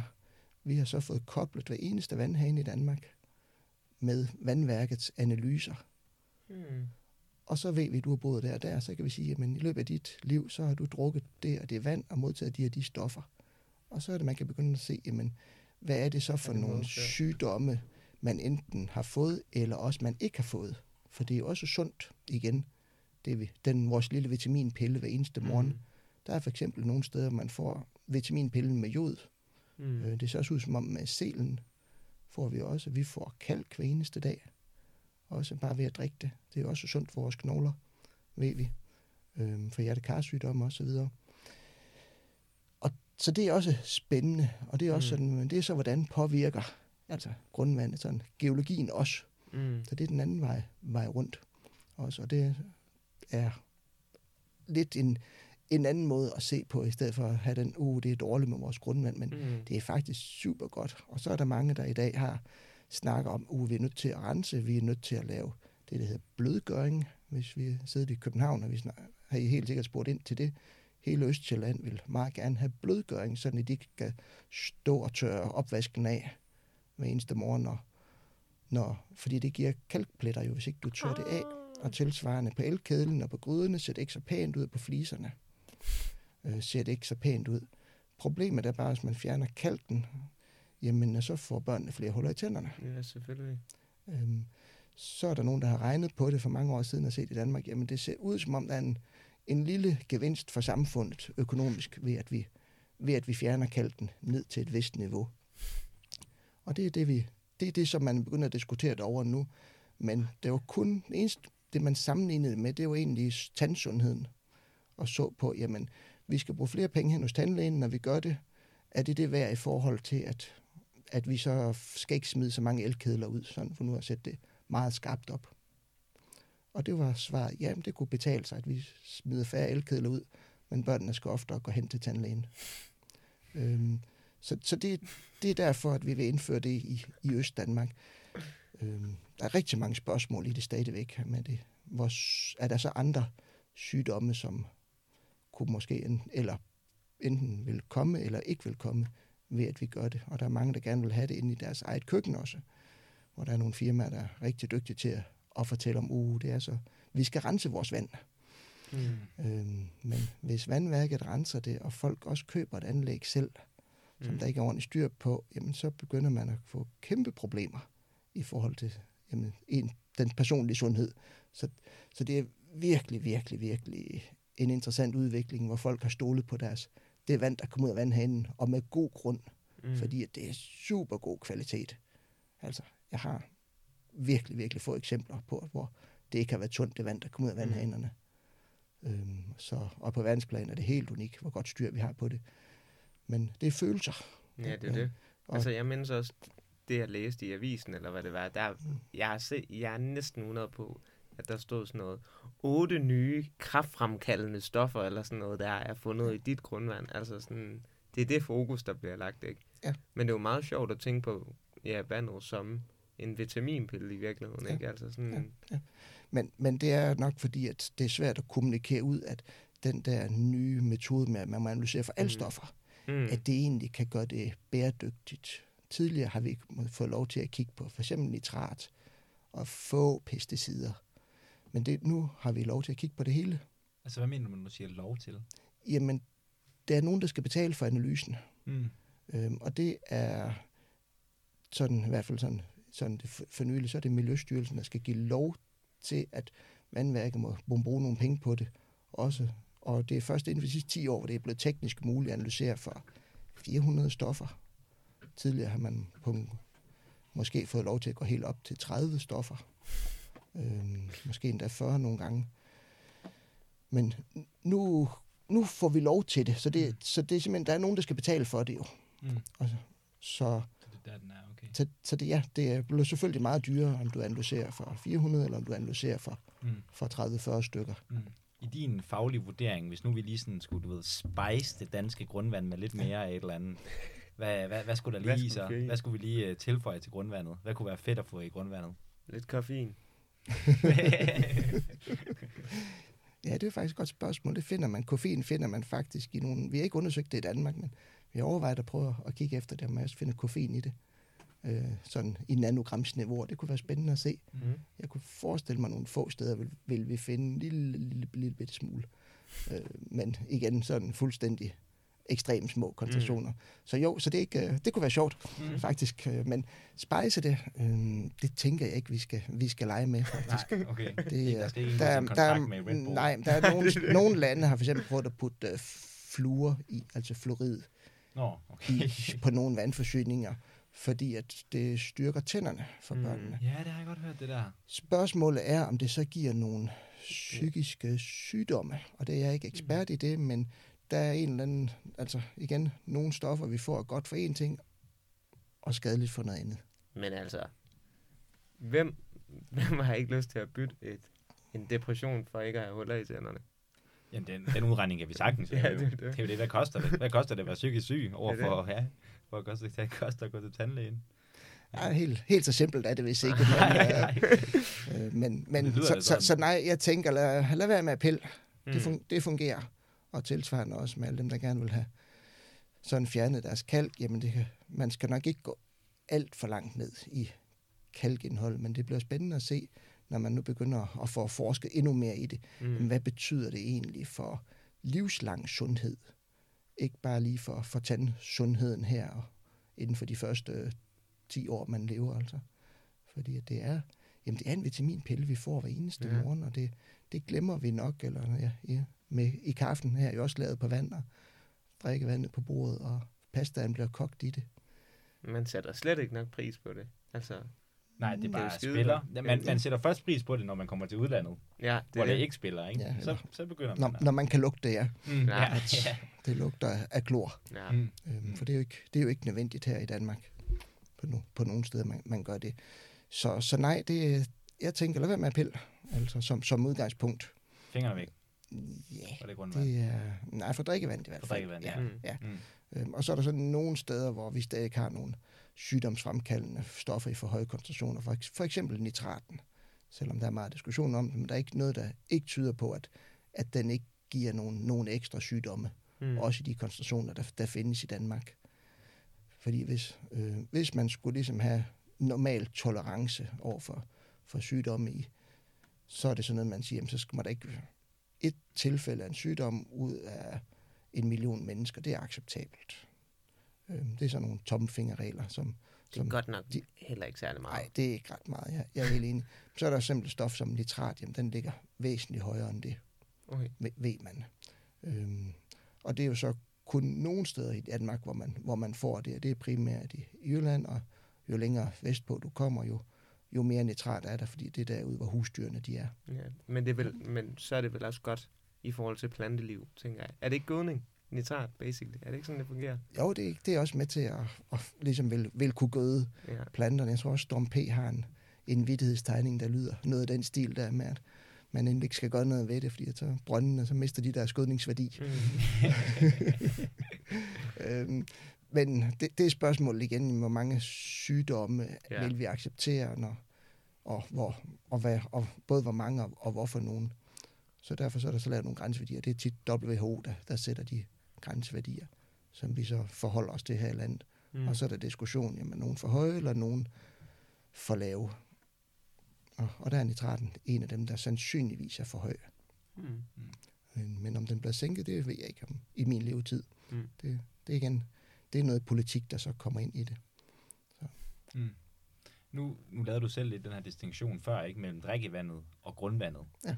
Øh, og ja, vi sidder jo her og snakker øh, på vores side af bordet i hvert fald, som om vi har den fjerneste øh, anelse om, hvad grundvand er. Altså, hvad er, hvad er grundvand? Jamen, øh, det er faktisk et godt spørgsmål. Jeg tror selv, når vi kommer ud med studerende, og der hørt en masse om grundvand, så bliver de overrasket, når de smager det. Mm. Det smager ikke særlig godt. Det, luk, det lugter. Okay. Der er nogle opløste gasser i det, som egentlig, som ned på vandværket skal have væk i langt de fleste steder i Danmark, som gør sådan, det lugter sådan lidt, af, lidt rødent. Men når det bliver gasset af, vil man bare putte, i princippet bare putte luft igennem, jamen, så lugter det ikke dårligt længere. Og når man så putter lidt luften, så er der jo ild i, så fjerner man jern i det også, som også giver sådan lidt dårlig smag, tænker alle sammen. Øhm, I Danmark vel at Mm. mærke. Og så er det egentlig klar til at blive sendt ud til forbrugeren. Så det er derfor, jeg skiller imellem drikkevand henholdsvis grundvand. Vi er nødt til at behandle en lille smule langt, langt hovedparten. Nogle få vandforsyninger, nogle i Randersområdet for eksempel, nogle over i Thy, jamen de kan sende det ubehandlet ud til, til forbrugerne. Det er bare klar til at drikke. Øhm, og det er selvfølgelig det billigste, hvis, hvis det er. Men naturligt, så vil man mange steder få sådan lidt en, øh, jamen sådan lidt en me- metallisk smag og en lidt dårlig lugt i det. Men, men det kan fjernes meget simpelt ved at bare Mm. putte luft igennem det, og så lade det løbe igennem noget sand. Vil vandet være endnu sundere, hvis vi drak det med den metalliske smag? Altså hvis vi fik jernen med? Øhm, hvis nu jernet kom med, jeg tror ikke, at, at det er flere, har set, så vil det ikke betyde noget for, for sådan folke. Nej, okay. sundheden. Og jeg har udenlandske studerende med en gang imellem, der siger, mm, da de smager det, det smager det, som om det, de er vant til derhjemme. Mm. I andre lande, de behandler det ikke helt på samme måde. Øhm, så, så de synes, jamen det, det er da bare, som vi er vant til. Mm. Det, det, vi har set i Danmark nu her også, jamen, det er, hvis et andet af stofferne, der er opløst helt naturligt forekommende, det hedder mangan også. Det er sådan lidt mere sort end, end rødt, når det udfælder. Det ser ud, det ved man, det skal fjernes, fordi at det giver nogle misfarvninger på installationerne, altså på vandhaner og så videre. Mm. Mm. Eller også kommer det til at give nogle far- når du har dit hvide vasketøj, så bliver det ikke helt hvidt. Mm. Så derfor så skal det fjernes. Men sådan alt og alle har vidst i mange år, jamen det, det skal helst væk, men hvis det ikke helt var styr på den på vandværket, så er det ikke et problem. For det er noget at gøre med, at det er nogle bakterier, der skal gøre det derhen. Det er ikke ilten. Så de skal helt styr på deres bakterier, naturligt forekommende bakterier, Mm. hen på vandværket, som er nogle af vores venner, så at sige. Og det er der ikke noget problem i. Men det ser ud som om, hvis vi nogle gange kommer til at sende det mangan ud, i hvert fald et af de studier, jeg med nu så tyder det på, at så er der en større risiko for at få nogle psykiatriske udfald øh, hos nogle bestemte befolkningsgrupper. Øh, fordi at mangan også er et kendt øh, tungmetal. Ah. Øh, men det er sådan noget med, jamen, det er ekstremt sjældent. Så Ja. spørgsmålet er, er det noget, man skal gøre noget ved? Ja, ja, ja. Øh, der er mange andre påvirkninger af vores, af vores læme, som er helt sikkert meget vigtige om i lade være med at ryge og drikke og motionere nok og huske med, med saltet og så videre, at det ikke for meget af det. Øhm, og det røde kød. Og, og så er det, man kan begynde at snakke om sådan nogle af de her naturlige Mm. påvirkninger fra vores drikkevand. Og det, og det er der, vi er. Der er rigtig mange livsstils påvirkninger, som er meget, meget, meget, Ja, meget ja. vigtigere. Men det fede ved de der, det er jo netop, at det er jo kommunens skyld, ikke? Når det ikke fungerer. Ikke? Det, er, det skal vi selv tage os af. Men prøv lige, når, når vi snakker om det her grundvand, ikke? Altså, så du ved, jeg, jeg, jeg, jeg har svært ved sådan at begribe, du ved, sådan, det jeg forestiller mig inde i mit hoved, ikke? Det er, at 15 meter under jorden, Mm. der er der bare sådan et gigantisk netværk af vandrør, som vi sender ned i jorden, som sender vandet rundt. Men jeg har, men jeg har bare svært ved at, for, at forstå, hvordan kan, vi, altså, hvordan kan vi overhovedet få det her grundvand ind i Mm. vandværkerne? Fordi hvis så stak et rør ned i jorden for at få noget vand, så vil jeg ligesom få lige så meget jord op, som jeg vil få vand, tænker jeg umiddelbart. Eller sådan, Ja. Altså, hva, hva, hvordan delen får vi... Hvordan er hele det her system? Ja. Hvor ligger det her grundvand henne, altså? Ja, men det er sjovt, når man ser nogle børn, der tegner det. Også, det er der selvfølgelig nogen, der har prøvet at, at lege med. Altså, sige til børn, prøv at tegne hvad- vand ned i jorden. Så tegner de ligesom sådan et blåt hav, mm. og så er der sådan noget brunt udenom. Sådan at, jamen, det er nok et eller andet ocean, der er dernede. Ja.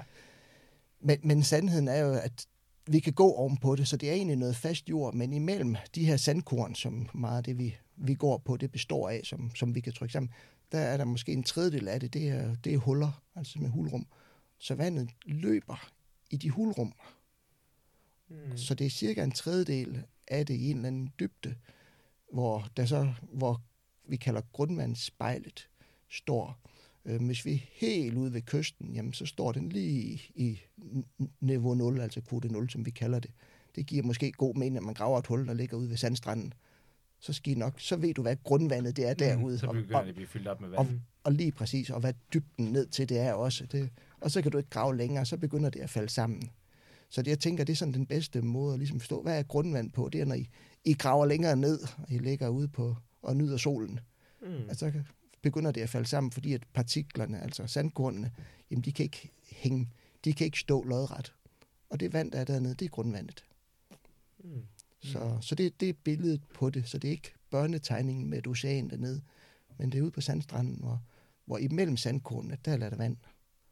Og når så ind til vandværket, vi gerne vil have det op, jamen så borer man et hul ned i jorden med en ordentlig stor borerik, med et, enten en snegl på, eller noget, de trykker en masse luft og vand ned, og så sætter man et plastikrør, som samme kvalitet plastik, som det I har i jeres madkasse, lidt lille smule tykkere end madkassen, og så laver man nogle bitte, bitte små riller, rigtig mange bitte små riller ned i, i madkasseplastikken. Og så løber sandet ikke ind, men vandet kan løbe ind. Ja, smart. Og så kan man sætte 5 meter dem oven på hinanden, 10 meter, eller nogle steder op i Nordjylland, hvor de har problemer med, at det er sådan noget meget fint sand, så er det måske 70 meter med sådan nogle riller, de sætter oven på hinanden i et rør. Og så kan man sætte en pumpe ned i bunden af den, og så presser den pumpe bare vandet op til overfladen, og så kan vi lade det løbe hen til vandværket. Som igen så sætter en pumpe på, og så presser det igennem rørene hen til jeres vandhane. Mm. Så det er meget simpelt, sådan i princippet selvfølgelig. Men man skal hele tiden passe på med, at det er en fødevare, Mm. sådan at vandværkerne har virkelig fokus igen på, jamen altid have overtryk, sådan hvis der bliver hul et sted, så løber vandet ud i Mm. stedet for ind. Og det er Mm. faktisk en eksportvare, det lyder så simpelt. Men at lære at hele tiden have styr på vores drikkevand, lige ud fra at regndråben den rammer ud på marken eller i skoven, og så til at den havner hen i jeres vandhane. Har vi styr på det, sådan, og gør det bæredygtigt, jamen så har vi en i meget, meget, meget lang tid fremadrettet. Både nok, nok vand, men også rent vand. Mm. Så, så jo, det er virkelig high-tech, Mm. men Mm. det, det lyder simpelt. Mm. Ja. Er det en begrænset ressource? Nu sagde du, at vi har vand i lang tid. Men er det sådan, bruger vi mere vand, end vi får ind i grundvandet? Her i Aarhus og Østjylland, der, der blev der nydannet nok grundvand. Og når jeg siger nydannet, så er det ligesom altså regnen, der løber ned. Sådan, når vi ser det over nogle årtier, så er der ikke et problem, når vi lige kigger helt uden for os, og lige over Aarhus Kommunes grænser. Østjylland er der nogle steder, man simpelthen overudnytter ressourcen, sådan at grundvandsspejlet har været faldende igennem tid. Men de fleste steder i Danmark, så, så er grundvandsspejlet faktisk stigende ved, at vi er blevet gode til at spare på vandet også.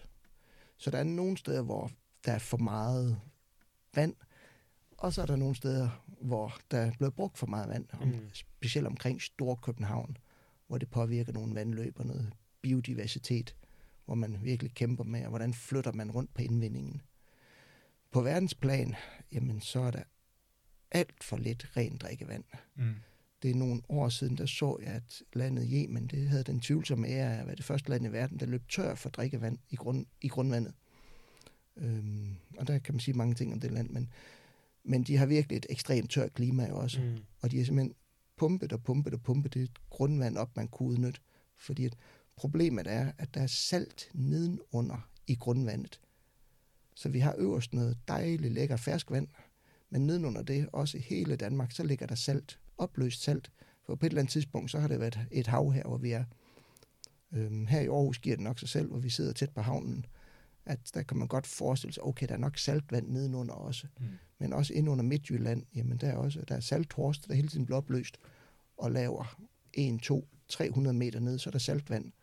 Og det fortsætter så de næste mange kilometer ned, hvis der ikke kommer grundfjeld. Så er det saltvand i stedet for, der ligger dernede. Og det kan vi ikke udnytte. Og det er det, man så får problemer med nogle steder i, i verden. At så har man simpelthen trukket alt ferskvand op på den pude af ferskvand oven på saltvandet. Så, så jo, ferskvand på verdensplan er virkelig en, en ressource, der er under pres. Fordi at vi forurener, og vi overudnytter det. Mm. Mm. Men Danmark har vi sådan nogenlunde styr på det. Der har vi jo endnu et eksempel, ikke? På det bare, det går bare ikke galt i Danmark. Der er bare, vi er bare gode venner med naturen, mand. Hold kæft, det er bare en om, altså. Vi har styr på sandheden. Mm. Ja. Jeg læste også engang, kan jeg huske, at det var sådan noget, øh, der, altså, som du siger, i Yemen og øh, hele det område, kan man sige, omkring øh, Mellemøsten, at det er jo, altså sådan, det er, at det er jo en, en vidderligt en krise. Og noget, jeg har jeg kan huske, jeg læste, det var også, at Tyrkiet, de har simpelthen bygget, lavet også nogle massive øh, dæmningsprojekter, for at ligesom at begrænse øh, vandindtaget og beholde vandet i Tyrkiet, så det ikke kan løbe videre ned af, hvad de hedder, Euphrates. og, ja, og komme ned nemlig til Yemen og Irak og så videre, og det er noget, de bruger ligesom sådan en, du ved, et politisk værktøj til ligesom at kunne, Vi kunne stjæler vandet. holde pisken over, jamen så får I ikke noget vand, ikke? så lukker vi sgu bare for dæmning, ikke? så kan den ikke få lov at løbe. Altså det er også, altså der synes jeg virkelig også, det begynder at blive, jamen altså det er det vand, det er jo fandme livet selv, ikke? Altså sådan, det er virkelig en, øh, Ja. Men igen, hvem, hvem ejer det? ja, Ja. Øhm, et eksempel vil være i Danmark. Jeg var til, det er nogle år siden, der havde fornøjelsen af at være op til naturmødet og skulle debattere med nogle forskellige mennesker med, om et emne med vand og køre så på motorvejen derop. Og så står der et kæmpe stor banner inde på nogle marker, at det er min jord. Det var helt sikkert et budskab til nogle politikere. Ja. Sådan, der, hvis der kom flere ministre, helt sikkert kørte den anden vej. Men øh, det interessante var, hvis, hvad nu hvis landmanden derinde havde skrevet, det er mit vand, Ja. mm. Øhm, fordi at det måtte han jo i så fald gerne også sige, det er mit vand. Problemet var bare, at så skulle han bygge en, en eller anden form for en plade under sig. Og så hver eneste år derop, så skulle han lave en højere og højere mur, sådan en halv meter højere, sådan at det nedbørsoverskud, altså regnen, Mm. At det blev ind på hans jord. Og, og det sætter nok det meget godt perspektiv, hvad er det sådan hele miljøproblemet, det er. Man kan godt sige, det er mit jord. Mm. Det, jeg bestemmer over det. Vi kan ikke bestemme over vandet. Det løber hen til nogle andre i systemet. Så, så jeg, øh, det synes virkelig, det var tankevækkende. Øh, man skulle bagefter stå på og debattere med landspolitikerne om det, og, så med landbrugets organisationer også. Hvor- Hvordan er vi nødt til at forholde os til det? For vi kan ikke i det her land med for meget nedbør, kan vi ikke bare sige, det er mit vand. Det er helt umuligt. Og dermed så kan vi heller ikke sige, det er mit jord Mm. det giver ikke nogen mening, hvis, hvis alle sammen de skal stilles ikke tilfreds, men i hvert fald, der er ikke nogen, der virkelig skal være fuldstændig tabere. Om det er nogen, der gerne vil have vandet nedstrøms efter en dæmning i Afrika, eller i Mellemøsten, eller hvor det nu er, eller, eller det er i Danmark. Så er det, det er tankevækkende, fordi at vand og jord er vi nødt til at skille ad. Men når vi snakker sådan juridisk sprog, det er, du ejer den her firkant, Mm. og jeg ejer den her firkant. Men vandet kan vi ikke, Nej, du kan vi ikke skille ad. Det løber fra den ene firkant hen under den næste firkant, og måske ud på, på den tredje firkant, når vi så kommer hen til, til Ådalen. Kunne man eventuelt farve det? Ja, det, color coded, Ja. ja. Giv en stregkode. så skulle der være en af de der blå farver, som vi bruger til vingummierne, Ja. ja. tænkte du, eller? ja. Ej, jeg ved ikke, om det vil være en god idé. Så, Noget, jeg også kom til at tænke på, altså alle ved jo godt, tror jeg, i hvert fald dem med sådan en basal forståelse for, hvordan sådan et landskab, du ved, dynamikker, de fungerer. Jeg ved ikke, om man kan kalde det geomorfologi. At øh, der er noget vand, der lander i øh, nogle åer og nogle søer, og så driver det ligesom ud i havet. Går den proces også en anden vej? Altså, kommer, altså øh, har havets, øh, hvad kan man sige, ja, indstrømning eller encroachment på, på Danmark, har det også en effekt på grundvandet? Altså kommer noget vand fra havet også ind i vores grundvand? jeg tror, meget, meget af vores regn, det, det kommer ud fra Nordatlanten, og til dels også fra en Østersøen eller Nordsøen. Så ja, det kan man godt sige, at, at det betyder, at havet også ligesom, det er jo det, der danner vores regn og dermed vores grundvand. Mm. Så det er simpelthen et kredsløb, og hydrologisk kredsløb kalder man det så. Hvordan vandet det strømmer. At vand, vanddråben rammer ned på overfladen, og så løber lige så stille lodret ned, først igennem jorden, indtil det møder et grundvandsspejl.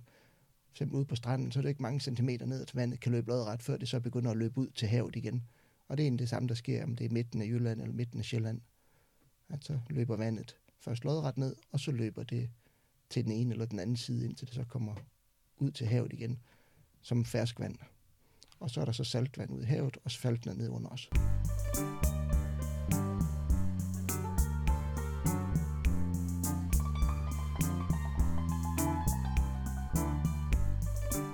Vildt at se, fordi jeg synes jo, mit indtryk af mange sådan forskertyper, eller hvad man nu skal kalde det, ikke? det er jo den her sådan, ved, at man kommer mere og mere ind i en teori, ikke? og man har jo også set den her med, at forskere bliver nærmest sådan gift med et eller andet teori, og derfor har de meget svært ved sådan også at ændre du ved, deres tilgang, mm. og måske sådan se den nye empiri, der kommer på banen, øh, mm. på, på, øh, se den i øjnene. Det er sådan et problem, man tit har inden for psykologien, ikke? at du ja. så tit har nogle skoler, der ligesom kæmper i mange, mange år om, ja. om sandheden, fordi mm. folk simpelthen ikke vil, vil give afkald på, på deres sådan, ja, erhvervede sandheder. Mm. Øh, men du slår mig jo som en type, der netop har, har virkelig bredt dig meget ud og bruger mange forskellige metoder og discipliner mm. til at, at undersøge tingene. Altså sådan, er du ikke også lidt et unikum på den måde, sådan inden for din egen verden? Det er altid dejligt at skulle sige, om man selv er et unikum. Jamen altså, ja, det, jamen, ja, er det det? Ja, du er et unikum. det synes alle zebraerne jo nok også, at de er. ja, det er det. det, er det. ja. Jeg tror, det er en styrke og en svaghed jo. Mm. Ja. Om man er generalist eller specialist. Det er sådan, vi teknikere nok vil, vil tænke på det, altså. Eller naturvidenskabsfolk, hvad, hvad, hvad I kalder det. Øh, fordi at hvis vi ser tre generationer tilbage, så, så, alt, så var det jo virkelig generalister, der er blevet uddannet. Altså mm. geologer og biologer og alle naturvidenskabsfolk, det var nærmest en uddannelse. For man, man gennemgik, og så kunne man så bagefter gå ud og, og kalde sig det ene eller andet, mm. eller det tredje, og det har det helt sikkert også været i, ja, var der helt for, tre, for 75 år siden, var der noget psy- altså statskundskab, hvad hed det dengang? Ja. Psykologi. Ja, det var måske bare samfundsvidenskab. Ja, eller jeg ved faktisk ikke, ja. hvad det hed. Ja, Mm, helt sikkert været statsvidenskab. meget, meget... Eller økonomi har det måske hed dengang. Ja, det kunne, Mm. det kunne Ja. sagtens Mm. være. Det er helt sikkert meget mere generalister, der er Mm. blevet dannet. Og så er det jo gået sådan til mere, meget mere specialister og specialister, og nu forsker alle herinde i så lidt, Mm. og I vil gerne have, at vi skal fortælle om Ja, et så meget. kæmpe, ja, kæmpe Ja. stort område. Så det, så det er igen det der, jamen, hvor, hvorhen har man en mulighed for enten, hvis man vil gøre karriere i, som i akademia, eller hvad det vi nu kalder det, altså på universiteterne, jamen så skal du virkelig være specialist i dag. Mm. Virkelig for alvor, skal du være fantastisk god til at gå ud og sælge det, og i scene sætte dig på alle mulige medier, og komme med en god teori, som, som du også siger der. Øh, så generalisterne, de har en, en udfordring. Mm. Det tror jeg, at alle sammen er enige om, der er nogen, der prøver at være det. Mm. Øhm, jeg kan ikke helt gennemskue, om, om, jamen, om vi skal have nogle generalister tilbage. Fordi jeg tror, der er mange, der sådan i deres senere karriere, så er det, de begynder at generalisere, og, og så starter med at få at vide, jamen, du er mega dum, hvis du egentlig vil prøve at være generalist med det samme. Mm. Få dit eget teori, Mm. og så forsvare den med næb og klør. og så kan du så begynde at generalisere bagefter. Mm. Men det er noget af det, jeg synes, der virker så latterligt. Altså en af de ting, i hvert fald inden for psykologien, der har været meget sådan på fremstorm i de år, det er, prøv at høre her, vi kan ikke forstå de her komplekse fænomener ud fra en enkelt teori. Vi bliver nødt til at have et tværdisciplinær tilgang. Altså sådan et godt eksempel, det er inden for autisme-spektrumforstyrrelse, ikke? Altså hvor at man, man bare måtte erkende, at vi kan ikke forstå autisme, du ved, som et socialt konstrukt. Vi kan ikke forstå det som et biologisk fænomen. Vi kan ikke forstå det som, du ved, et klinisk fænomen. Vi bliver nødt til at blande de her tilgange sammen, hvis vi vil have en fornuftig, du ved, øh, chance for at forstå og også, du ved, behandle de her ting. Ikke? Mm. Og altså, jeg tænker, det er i hvert fald en min, min fornemmelse fra, fra den mere sådan humanvidenskabelige, samfundsvidenskabelige ende af bordet, at det er, en, det er sådan en erkendelse, der er gryende for tiden, altså inden for vores områder, Mm. at, at, at det har vi simpelthen behov for, at den her specialisttilgang, den holder bare ikke. Vi bliver nødt til at kunne have en mere holistisk Ja. øh, tilgang til tingene. Jeg ved ikke, om den samme sådan ting Jamen, det ved er helt, helt, helt sikkert det samme, men jeg tror, at sådan teknikerne, og vi, vi er stadig nødt til at grave os endnu dybere ned i endnu, Mm. endnu mindre ting, eller endnu større, altså endnu flere satellitbilleder, eller endnu flere nanoskopiske mm. metoder. Det er der, hvor de hvide pletter på landkortet er set fra, fra vores synspunkt jo. Mm. Og det, og det er jo der, vi skal, vi skal forske. Og så kommer udfordringen med, hvordan får vi dem bundet sammen. Hvordan, og, hvem, og hvem skal gøre det, og hvornår skal, skal man gøre det enten som person eller i sin karriere. For det er, en, det er da lidt en udfordring, når jeg forsker sammen med simpelthen psykiaterne. Øhm, hvordan får vi lige det samme sprog? Mm. Øhm, og man skal meget hårdt med at sige, men det der, det vil jeg ikke udtale mig om. Jeg aner ikke nok om det. Øhm, for eksempel nogle af, ja, autisme nogle af de andre under diagnoser der også, som, som vi også har, har forsket i. Øh, men det, det vil jeg ikke, altså jeg siger, det vil jeg ikke udtale mig om. Jeg aner simpelthen ikke nok om det. Øh, jeg kan måske sige, at vi har vist nu her, at der er en blå Lego-klods, der betyder noget, men hele mennesket består af, Ja, ja, ja. og hele ja. udfaldet af sygdommen består af en masse forskellige legoklodser, en masse forskellige farver. Så det er der nogle andre, der så skal være specialister i. Mm. Så, så det, vi er nødt til at være en masse specialister, der arbejder sammen. Mm. Og så er det spørgsmålet, hvordan, jamen, hvor, hvor meget generalist skal man være? Men vi er nødt til at have sådan et fælles sprog i hvert fald, at jeg kan gå ind i, i psykiatrien eller i, i psykologien og sige, men prøv, prøv at bruge den over for min videnskab nu Mm. her. Se, at lithium for eksempel, som jo det mest ældste kendte psykofarmika, øhm, har vi forsket rigtig meget i nu her. Hvad, hvad, hvad gør det ved, at det findes naturligt i vores drikkevand? Og nogen har vist for nej, 10 år siden, jamen, at lithiumindholdet i Japan i nogle områder der var flot korreleret med selvmordsraten. Mm. Øhm, og det har vi selvfølgelig også forsket i i Danmark nu her. Vi kan ikke vise det, at lithiumkoncentrationerne i dansk drikkevand øh, har en korrelation med selvmordsraterne. Hvor, hvorimod at, at de steder, hvor de så har, har en effekt, og der er virkelig ved at komme mange gode reviews ud nu, som viser, at der må altså være en effekt også i de her bitte små doser, som vi jo får ved hjælp af vores drikkevand, som er 10, 20, 30 mikrogram per liter, altså meget, meget lidt, hvor jeres kliniske doser, de ligger op i milligramsniveauet, så vidt mm. som jeg husker, det kan du måske bedre huske. Ja, det tror jeg gerne. Ja. Ja. Det giver, synes jeg giver mening, Ja, ja. sådan faktor 1000, Mm. mange, Mm. mange hundrede eller tusind højere. Mm. Øh, at det egentlig ikke, der betyder det ikke noget, men nogle andre lande har noget andet geologi, jamen så får de meget mere lithium Mm. fra deres drikkevand, og det tyder på, at sådan i forhold til det her udfald, som I kalder det, altså med, med selvmordet, Mm. jamen at, at der er en korrelation i forhold til, hvad vand, vand drikker man, bare ikke i Danmark, hvorimod vi kan se i forhold til nogle andre psykiatriske udfald også, jamen der ser det ud som om, at der er nogle, nogle effekter, men noget af, po- ser ud som om, at det så giver flere psykiske udfald, og nogle giver færre psykiske udfald Mm. med vores koncentrationer. Men lithium er jo også ekstremt spændende ved, at det går ind og påvirker så meget ind i vores hjerne jo. Er det ikke en fem, seks forskellige processer, Mm. så vidt som jeg husker det. Mm. Så, Det er i hvert fald, ja, altså det er Ja. jo, fordi det er i hvert fald noget, der er blevet brugt i forbindelse med, med skizofreni, ved jeg, Ja, ikke? Og, ja. og også psykotiske lidelser i al Ja. almindelighed, Ja. som jo er, er sygdom, der, hvor at, at, altså, hjernen globalt set er påvirket, ikke? Mm. Altså af mange forskellige Mm. ting.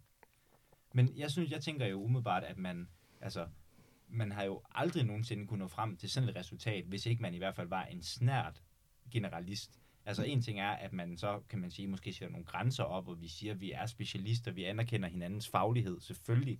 Men vi er da nødt til at kunne hæve snuden over vores egen lille mikroteori, for at overhovedet kunne, du ved, ja, samle knoglen op og sige, hey, Ja. øh, jeg har hørt noget med, at øh, lithium og psykiske sygdom Mm. har noget med hinanden at gøre. Kunne vi lige tage en snak om det, og måske sådan, altså den nysgerrighed på tværfaglighed, Mm. Er i hvert fald en forudsætning for, at vi kan lave altså sådan et fund Ja. som det der. ja, jamen, det, det er jo det, men, og det gælder begge veje, både fra jamen, folkesundhed og psykiatri og psykologi og så videre, men man skal også ligesom besvare opkaldet, Mm. også, eller i stedet for bare at sige, at det, kan ikke, det er ligegyldigt. Der er måske nogle andre stoffer, vi også har forsøgt med i mange år, egentlig at sige, men kære venner, vi har noget meget mærkeligt her mm. I geologien. Vi har en eksponering. Kan det, kan det betyde noget for et eller andet udfald, øhm, hvor de så har sagt, mm, det ved vi ikke. Og så, og så har de fortsat deres forskning. Mm. Øhm, så, men det er jo spørgsmålet også, jamen, om, ved at man virkelig flytter nogle grænser, altså fra et fagområde til geologien, og så over til jamen, sundheden. Hvad, hvad kan vi lære af det? Der er nok mange, mange ting, der ikke viser, viser, jamen det betyder ikke noget, men Mm. forhåbentlig så kommer der virkelig sådan nogle nye gennembrud. Men det kræver lang tid, og så og endelig at finde gennembruddene, ved at der helt sikkert er rigtig, rigtig meget, der ikke, ikke betyder noget. Mm. Og det er, så det er også ligesom at, at ture begge veje. Mm. Mm. Så hvis jeg var kommet til jamen, en fra statskundskab eller en fra psykologi og sagt, jamen, øh, skal vi ikke arbejde sammen? Jeg er geolog. Hvad, er, hvad er I så svaret? ja, ja, ja. jeg har nok svaret, fortæl mig mere. Det kunne men, man jeg håbe. men altså, jeg tænker da heller ikke, at de to ting nødvendigvis udelukker hinanden. Altså, der er vel brug for både generalister og specialister. Mm. Altså, sådan, der er brug for nogen, der dykker ned i deres, altså sætter sig ind op i sit loftkammer og kun fokuserer på én ting. Og så er der forhåbentlig, forhåbentlig nogle facilitatorer eller sådan noget der, der kan intermingle de forskellige arealer på grund af, helt sikkert, hvis du kom ind til en psykolog og sagde, jeg er geolog, skal vi arbejde sammen, så vil man sige nej. Så, Men hvis så vil han du- nok begynde at behandle mig i stedet for, Jamen, tænker det, du? jamen helt sikkert. Men hvis du kom hen og sagde, hey, jeg er geolog, vi har fundet det her, den her korrelation mellem øh, lithium og øh, i drikkevand og øh, skizofreni, eller nej, hvad var det? Var det skizofreni, du sagde? Nej, eller var det autisme, der var en korrelation med?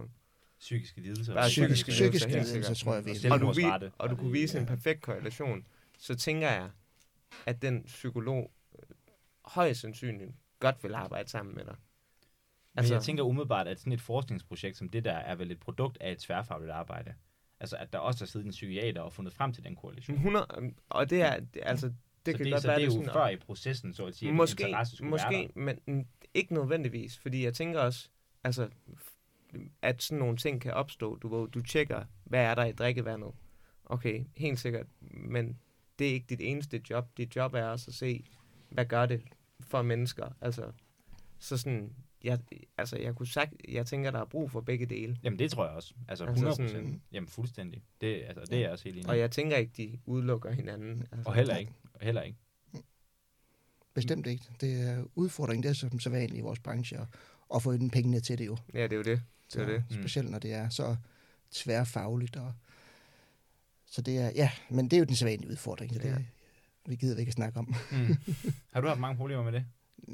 Jeg tror ikke mere end andre. Nej. Nej. Så det er en benhård branche, og hvis man vil have en højere succesrate, så skal man gå ud i, i sin ansøgning, og så skal man finde en anden branche. Ja. Mm. Ty- tyder det på, at der er blevet spillet ekstremt meget tid på det. Øhm, og det er en, et, jamen, det, det er en del af gamet i øjeblikket, og specielt nok, at the winner takes it all, men det, mm. det er der Mm. nogle andre, der ved meget mere om. Jeg så det, jeg tænkte på, hvad kunne man, hvad kunne man for eksempel lave med sådan noget samfundsvidenskab? Hvad kunne det være? Kunne det være noget vin måske? Terroir?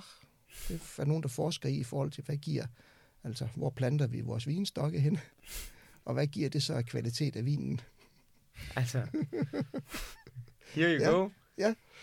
Du kan i hvert fald godt lide vin. Vi kan Jeg tænke kan ud af boksen, ja.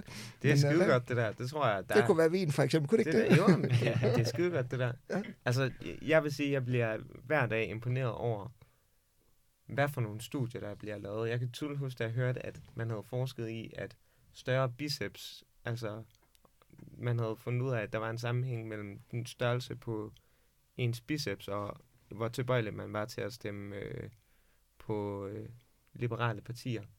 Så jo større biceps, desto mere liberal vil du være. Mm. Ja, og se en, øh, jeg, har, jeg har også lige i forbindelse med mit bachelorprojekt læst, at øh, altså, jo højere prævalens af smitsomme sygdomme i en region, jo mere autoritær er folks øh, vælgeradfærd også. Altså jo mere er man villig til at støtte, du ved, diktaturer og sådan mere autoritære ledelser. Simpelthen fordi, at, ja, at den der smitte, den gør et eller andet. Det giver jo også lidt god mening, ikke? Det var det, der var så tankevækkende i forhold til corona, ikke? Altså jeg tror, der er aldrig nogensinde, vi har været mere autoritære og op på, at vi alle sammen skal følge reglerne, og dem, der ikke følger reglerne, de er simpelthen bare altså, forrædere, ikke? Mm. Altså, det, det gør et eller andet ved os, ikke? Det der med, at der er nogle øh, sygdomme i opløb, ikke? Altså, det... Ja. Ja. Ja, det er godt at have en ydre fjende, om det så er en, Ja, en sygdom, eller hvad det er. hvem det er. Ja, ja det samler. Det kan godt, tænke, det kan godt tænkes, ja. Mm. Det er sygt spændende. Ja. Nå, men hvad, hvad med dig, Søren? Hvad har du egentlig i, i pipeline lige nu? Jeg kan forstå, det er noget med nogle neandertalere.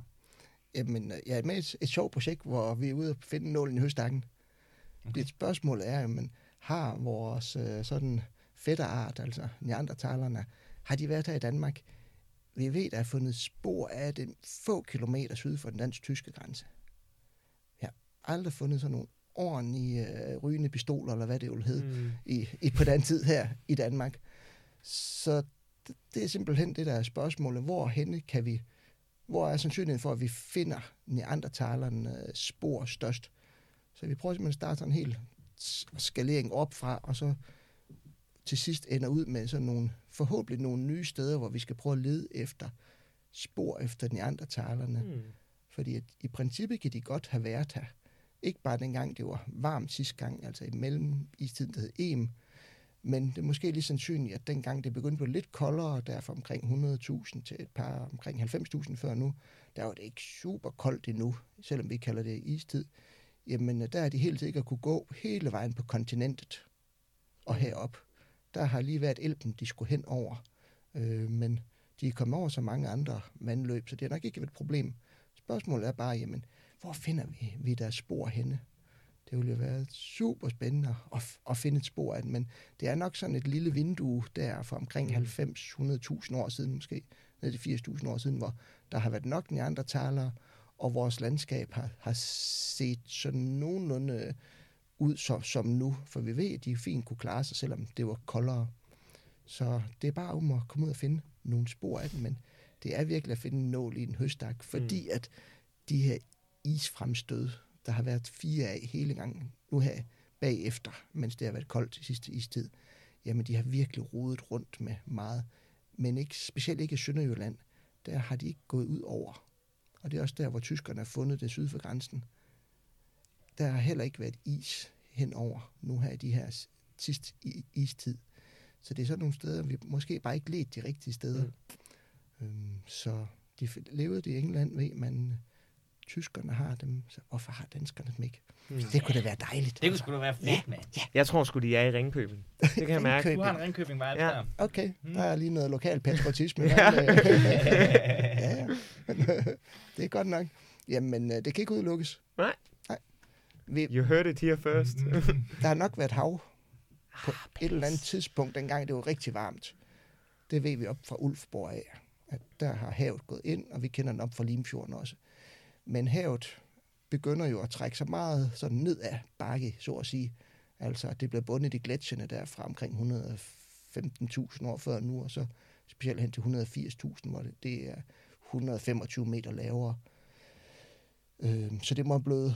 Der var sådan nogle lavvandede fjorde der for 120.000 år siden ude ved, ved Ringkøbing også, og Ulfborg, og op til den vestlige Limfjord. Så det må have blevet landjord, ja.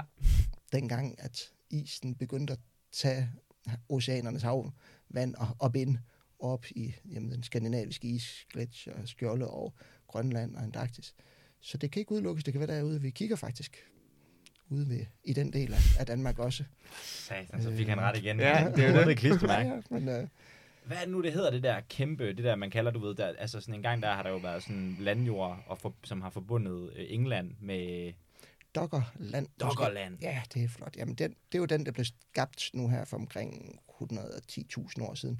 Så kom Doggerland ind igen, og det ved vi jo meget lidt om. De er helt sikkert levet derude, og så gået, må have gået op til, hvor der er virkelig mange ressourcer. Altså havet har jo ligget oppe et eller andet sted i norsk øh, randen, hvor det går meget stejlt ned ad bakken. Øhm, men ellers så ved vi ikke ret meget om dem derude. Der er fundet lidt fra neandertalerne, jeg, den hollandske del af Nordsøen har man fundet spor af dem. Vi har ikke fundet det i Danmark. Mm. Den danske del af Nordsøen. Mm. Måske fordi vi ikke helt har vidst, hvad vi skulle lede efter. Det er også en mulighed. Mm. Det er også noget, jeg synes, der er sindssygt spændende, det, det her med, altså sådan, at man, altså med marinearkeologi, ikke? Mm. Altså en af de ting, man jo netop ved for geologien, det er også egentlig et eksempel på den her tværfaglige approach, det er, at vi jo har jo fundet ud af, at kystlinjerne har jo bare for, forrykket sig rigtig meget. Altså mm. også i forbindelse med istiderne, ikke? Også der kan vi ligesom se, at, at vi har haft øh, kysten, der er gået langt længere ud, end den har nu. Og hvis man kigger på menneskelig adfærd, jamen hvor er det mennesker, de vælger at bosætte sig? De bosætter sig ved havet. Så derfor så, altså, så tanken er, og det er jo noget af det, som der er nogen, der forsker i med i forhold til sådan, hvornår at menneskets, du ved, civilisationer og så videre er opstået. At der er nogen, der, der siger, at altså, det kan jo sagtens være, at civilisationer er opstået langt før, end vi egentlig ved nu.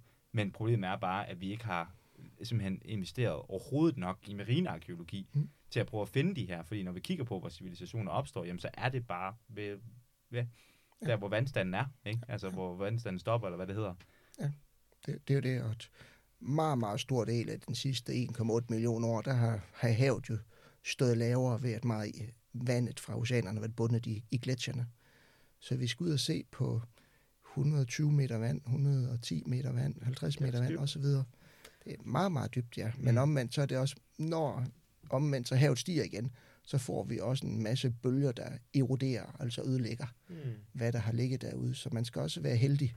Mm. Men altså, ud over Aarhusbugten kan de jo fint gå ud og finde noget sådan fra nogle, hvad hedder de, nogle, de kalder det mesolitiske bopladser, altså stenalderbopladser, hvor der simpelthen er druknet, hvor de kan se, når havet det stiger, så først så forsumper landet, ligesom det vi ser i dag, men på landmandens mark, at det forsumper, når havet stiger. Mm. Og så er det først senere, hvor så at havet egentlig har kommet hen over, og så har fuldstændig druknet det. Og så skal de dykke rundt med trykflasken nu her og grave derude.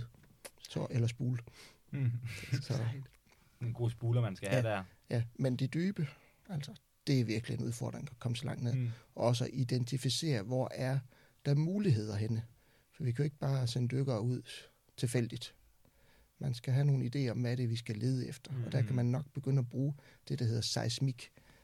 Ja. Og simpelthen se på, hvor man har kigget måske efter olien, men samtidig så får man også noget op fra de allerøverste lag, som, som man kan begynde at kigge på og udnytte. Vi har utrolig mange data derudfra.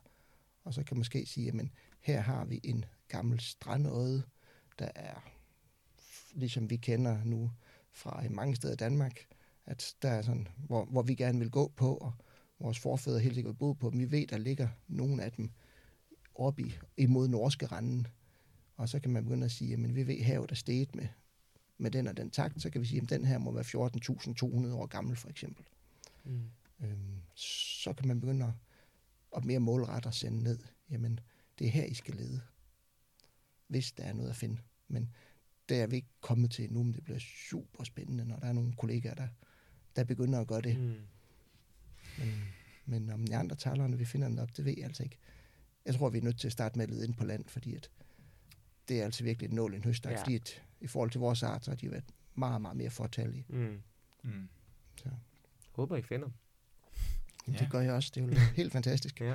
Men øh, ellers så får vi forhåbentlig en bedre idé om, hvordan så landskabet ud. Og det er der tidligt, der, før isen virkelig begynder at gnave i vores landskab. Så det, er, så, så det, er, det skal vi nok få ud af den, det er jeg ikke Mm. i tvivl om. Har du nogle teorier der? Nogle hypoteser? Hypoteser, ikke teorier, hypoteser. Om hvordan landskabet ser ud. Har man det? Har man det? Ikke dig personligt, men har man det? overraskende lidt, faktisk. For sådan en hypotese om, hvordan det ser ud. Vi har, vi har nogle med, at de der, vi kalder bakkeøerne, der ligger uden for den nuværende isrand, øhm, man, man kan se altså ligesom stikke op, og så smelte smeltevandet løbet imellem dem, og lave sådan nogle flader, hvor der er helt, hvor der tit har været heder på, altså nogle hedesletter, og så er der stukket noget op, at de bakkeøer, de nok er genbrugt meget fra jamen de her fire gange, der har været is, og også fra sidste gang, der var istider, den der hedder Sarle, der ligger før i mellemistiden, at det nok egentlig er genbrug. Så det er nok den, der er sådan en primær hypotese, det er, at landskabet er langt hen ad vejen et genbrugslandskab i forhold til hvor. Så hvis vi har det, der hedder en bakkeø dernede, der har en, en stejl skråning, eller hvad den nu har, jamen så har vi nok også haft i sidste mellem istid, og også her tidligt i, i vores sidste istid, jamen så har der nok også været en bakkeskråning der, Mm. og måske har været noget hav eller noget andet vand neden for den. Så det kunne være sådan nogle steder, man kunne begynde at- kigge efter det. Mm. Øh, men kolossalt store arealer jo, så man skal virkelig have endnu bedre idéer om, hvad det er, vi leder Mm. efter. Øhm, og så ved vi nogle steder i Danmark, hvor, hvor landet det lige så langsomt sænker sig. Øhm, så nogle begravede dale også, hedder det. Det kan også være, det er sådan nogle steder, man skal lede efter det. Så det er en, virkelig en nål i en høstak. Mm. For ellers var der nogen, der har fundet det. Ja. Ja, det, ja, det Ja. kan er man det. sige. Ja, ja, ja. For der er mange, der har kigget igennem tiderne efter det. Wow. Så det kan også godt være, at vi går skuffet hjem Ja. og siger, vi fandt det ikke. Øhm, hypotesen var, var forkert. Det var, fandt det heller ikke der tidlig is. Tidlig i sidste istid. Mm. Og så er det, jamen så er det sådan. ja. Mm. Sådan er det jo. Sådan er det, Ja. ja, nemlig, ja. Eddermane med også et puslespil, mand. Det lyder til, I i gang med at samle. Det var også det, Ja. du sagde før jo, ikke? Ja. Altså, det er også... Det, er- det er så vanvittigt. Altså, det der med at tænke på, at du går ud, og så graver du et hul i jorden, og så finder du nogle sedimenter, og så sådan sidder I og ligesom prøver at, at danne jer sådan et overblik over de her. Altså, jeg bliver meget imponeret over, hvordan at du netop har det her sådan holistiske øh, tilgang, hvor du virkelig sådan forstår tingene i sådan et dynamisk Mm. samspil hele tiden, at tingene, de sådan, du ved, påvirker hinanden, og så sker det, og så sker det, og så sker, altså sådan, det, jeg synes bare, det er vildt, at du har alt det inde i hovedet, ikke? Altså, det, det må have taget mange år at, at opbygge den viden, altså. Ja. Det vil jeg, ja. Ja. Ja, ja, Ja. That's why I do it. That's why I'm an awesome boss. It is what it is. It is what it is. Nå, jamen øh, Søren, jeg tror ikke, vi kan holde på det mere. Det var en Nej. kæmpe fornøjelse. Ja, jamen, øh, det var Mm, i, i, i lige måde jo. Ja. Så er det jo altid sjovt at snakke om, om noget af det, vi arbejder med, og, Og så få nogle nye idéer til, hvad vi måske kunne arbejde sammen om. Mm. Mm. Noget vin måske. Ja, Noget vin, ja, ja. det er det nye ikke- forskningsspil. Du ringer bare. Fuldstændig. Også det der med vinden. Hvad med lige Ja. få den til at stå stille? Ja, Måske nede ved det- Aarhus ja, Det må være den næste, I, I tager ind, så Ja. ja. Ja, I må stille nogle spørgsmål om vind. Mm, fuldstændig. Ja. Fedt. Jamen, øh, tak. ja tak. Jamen selv tak.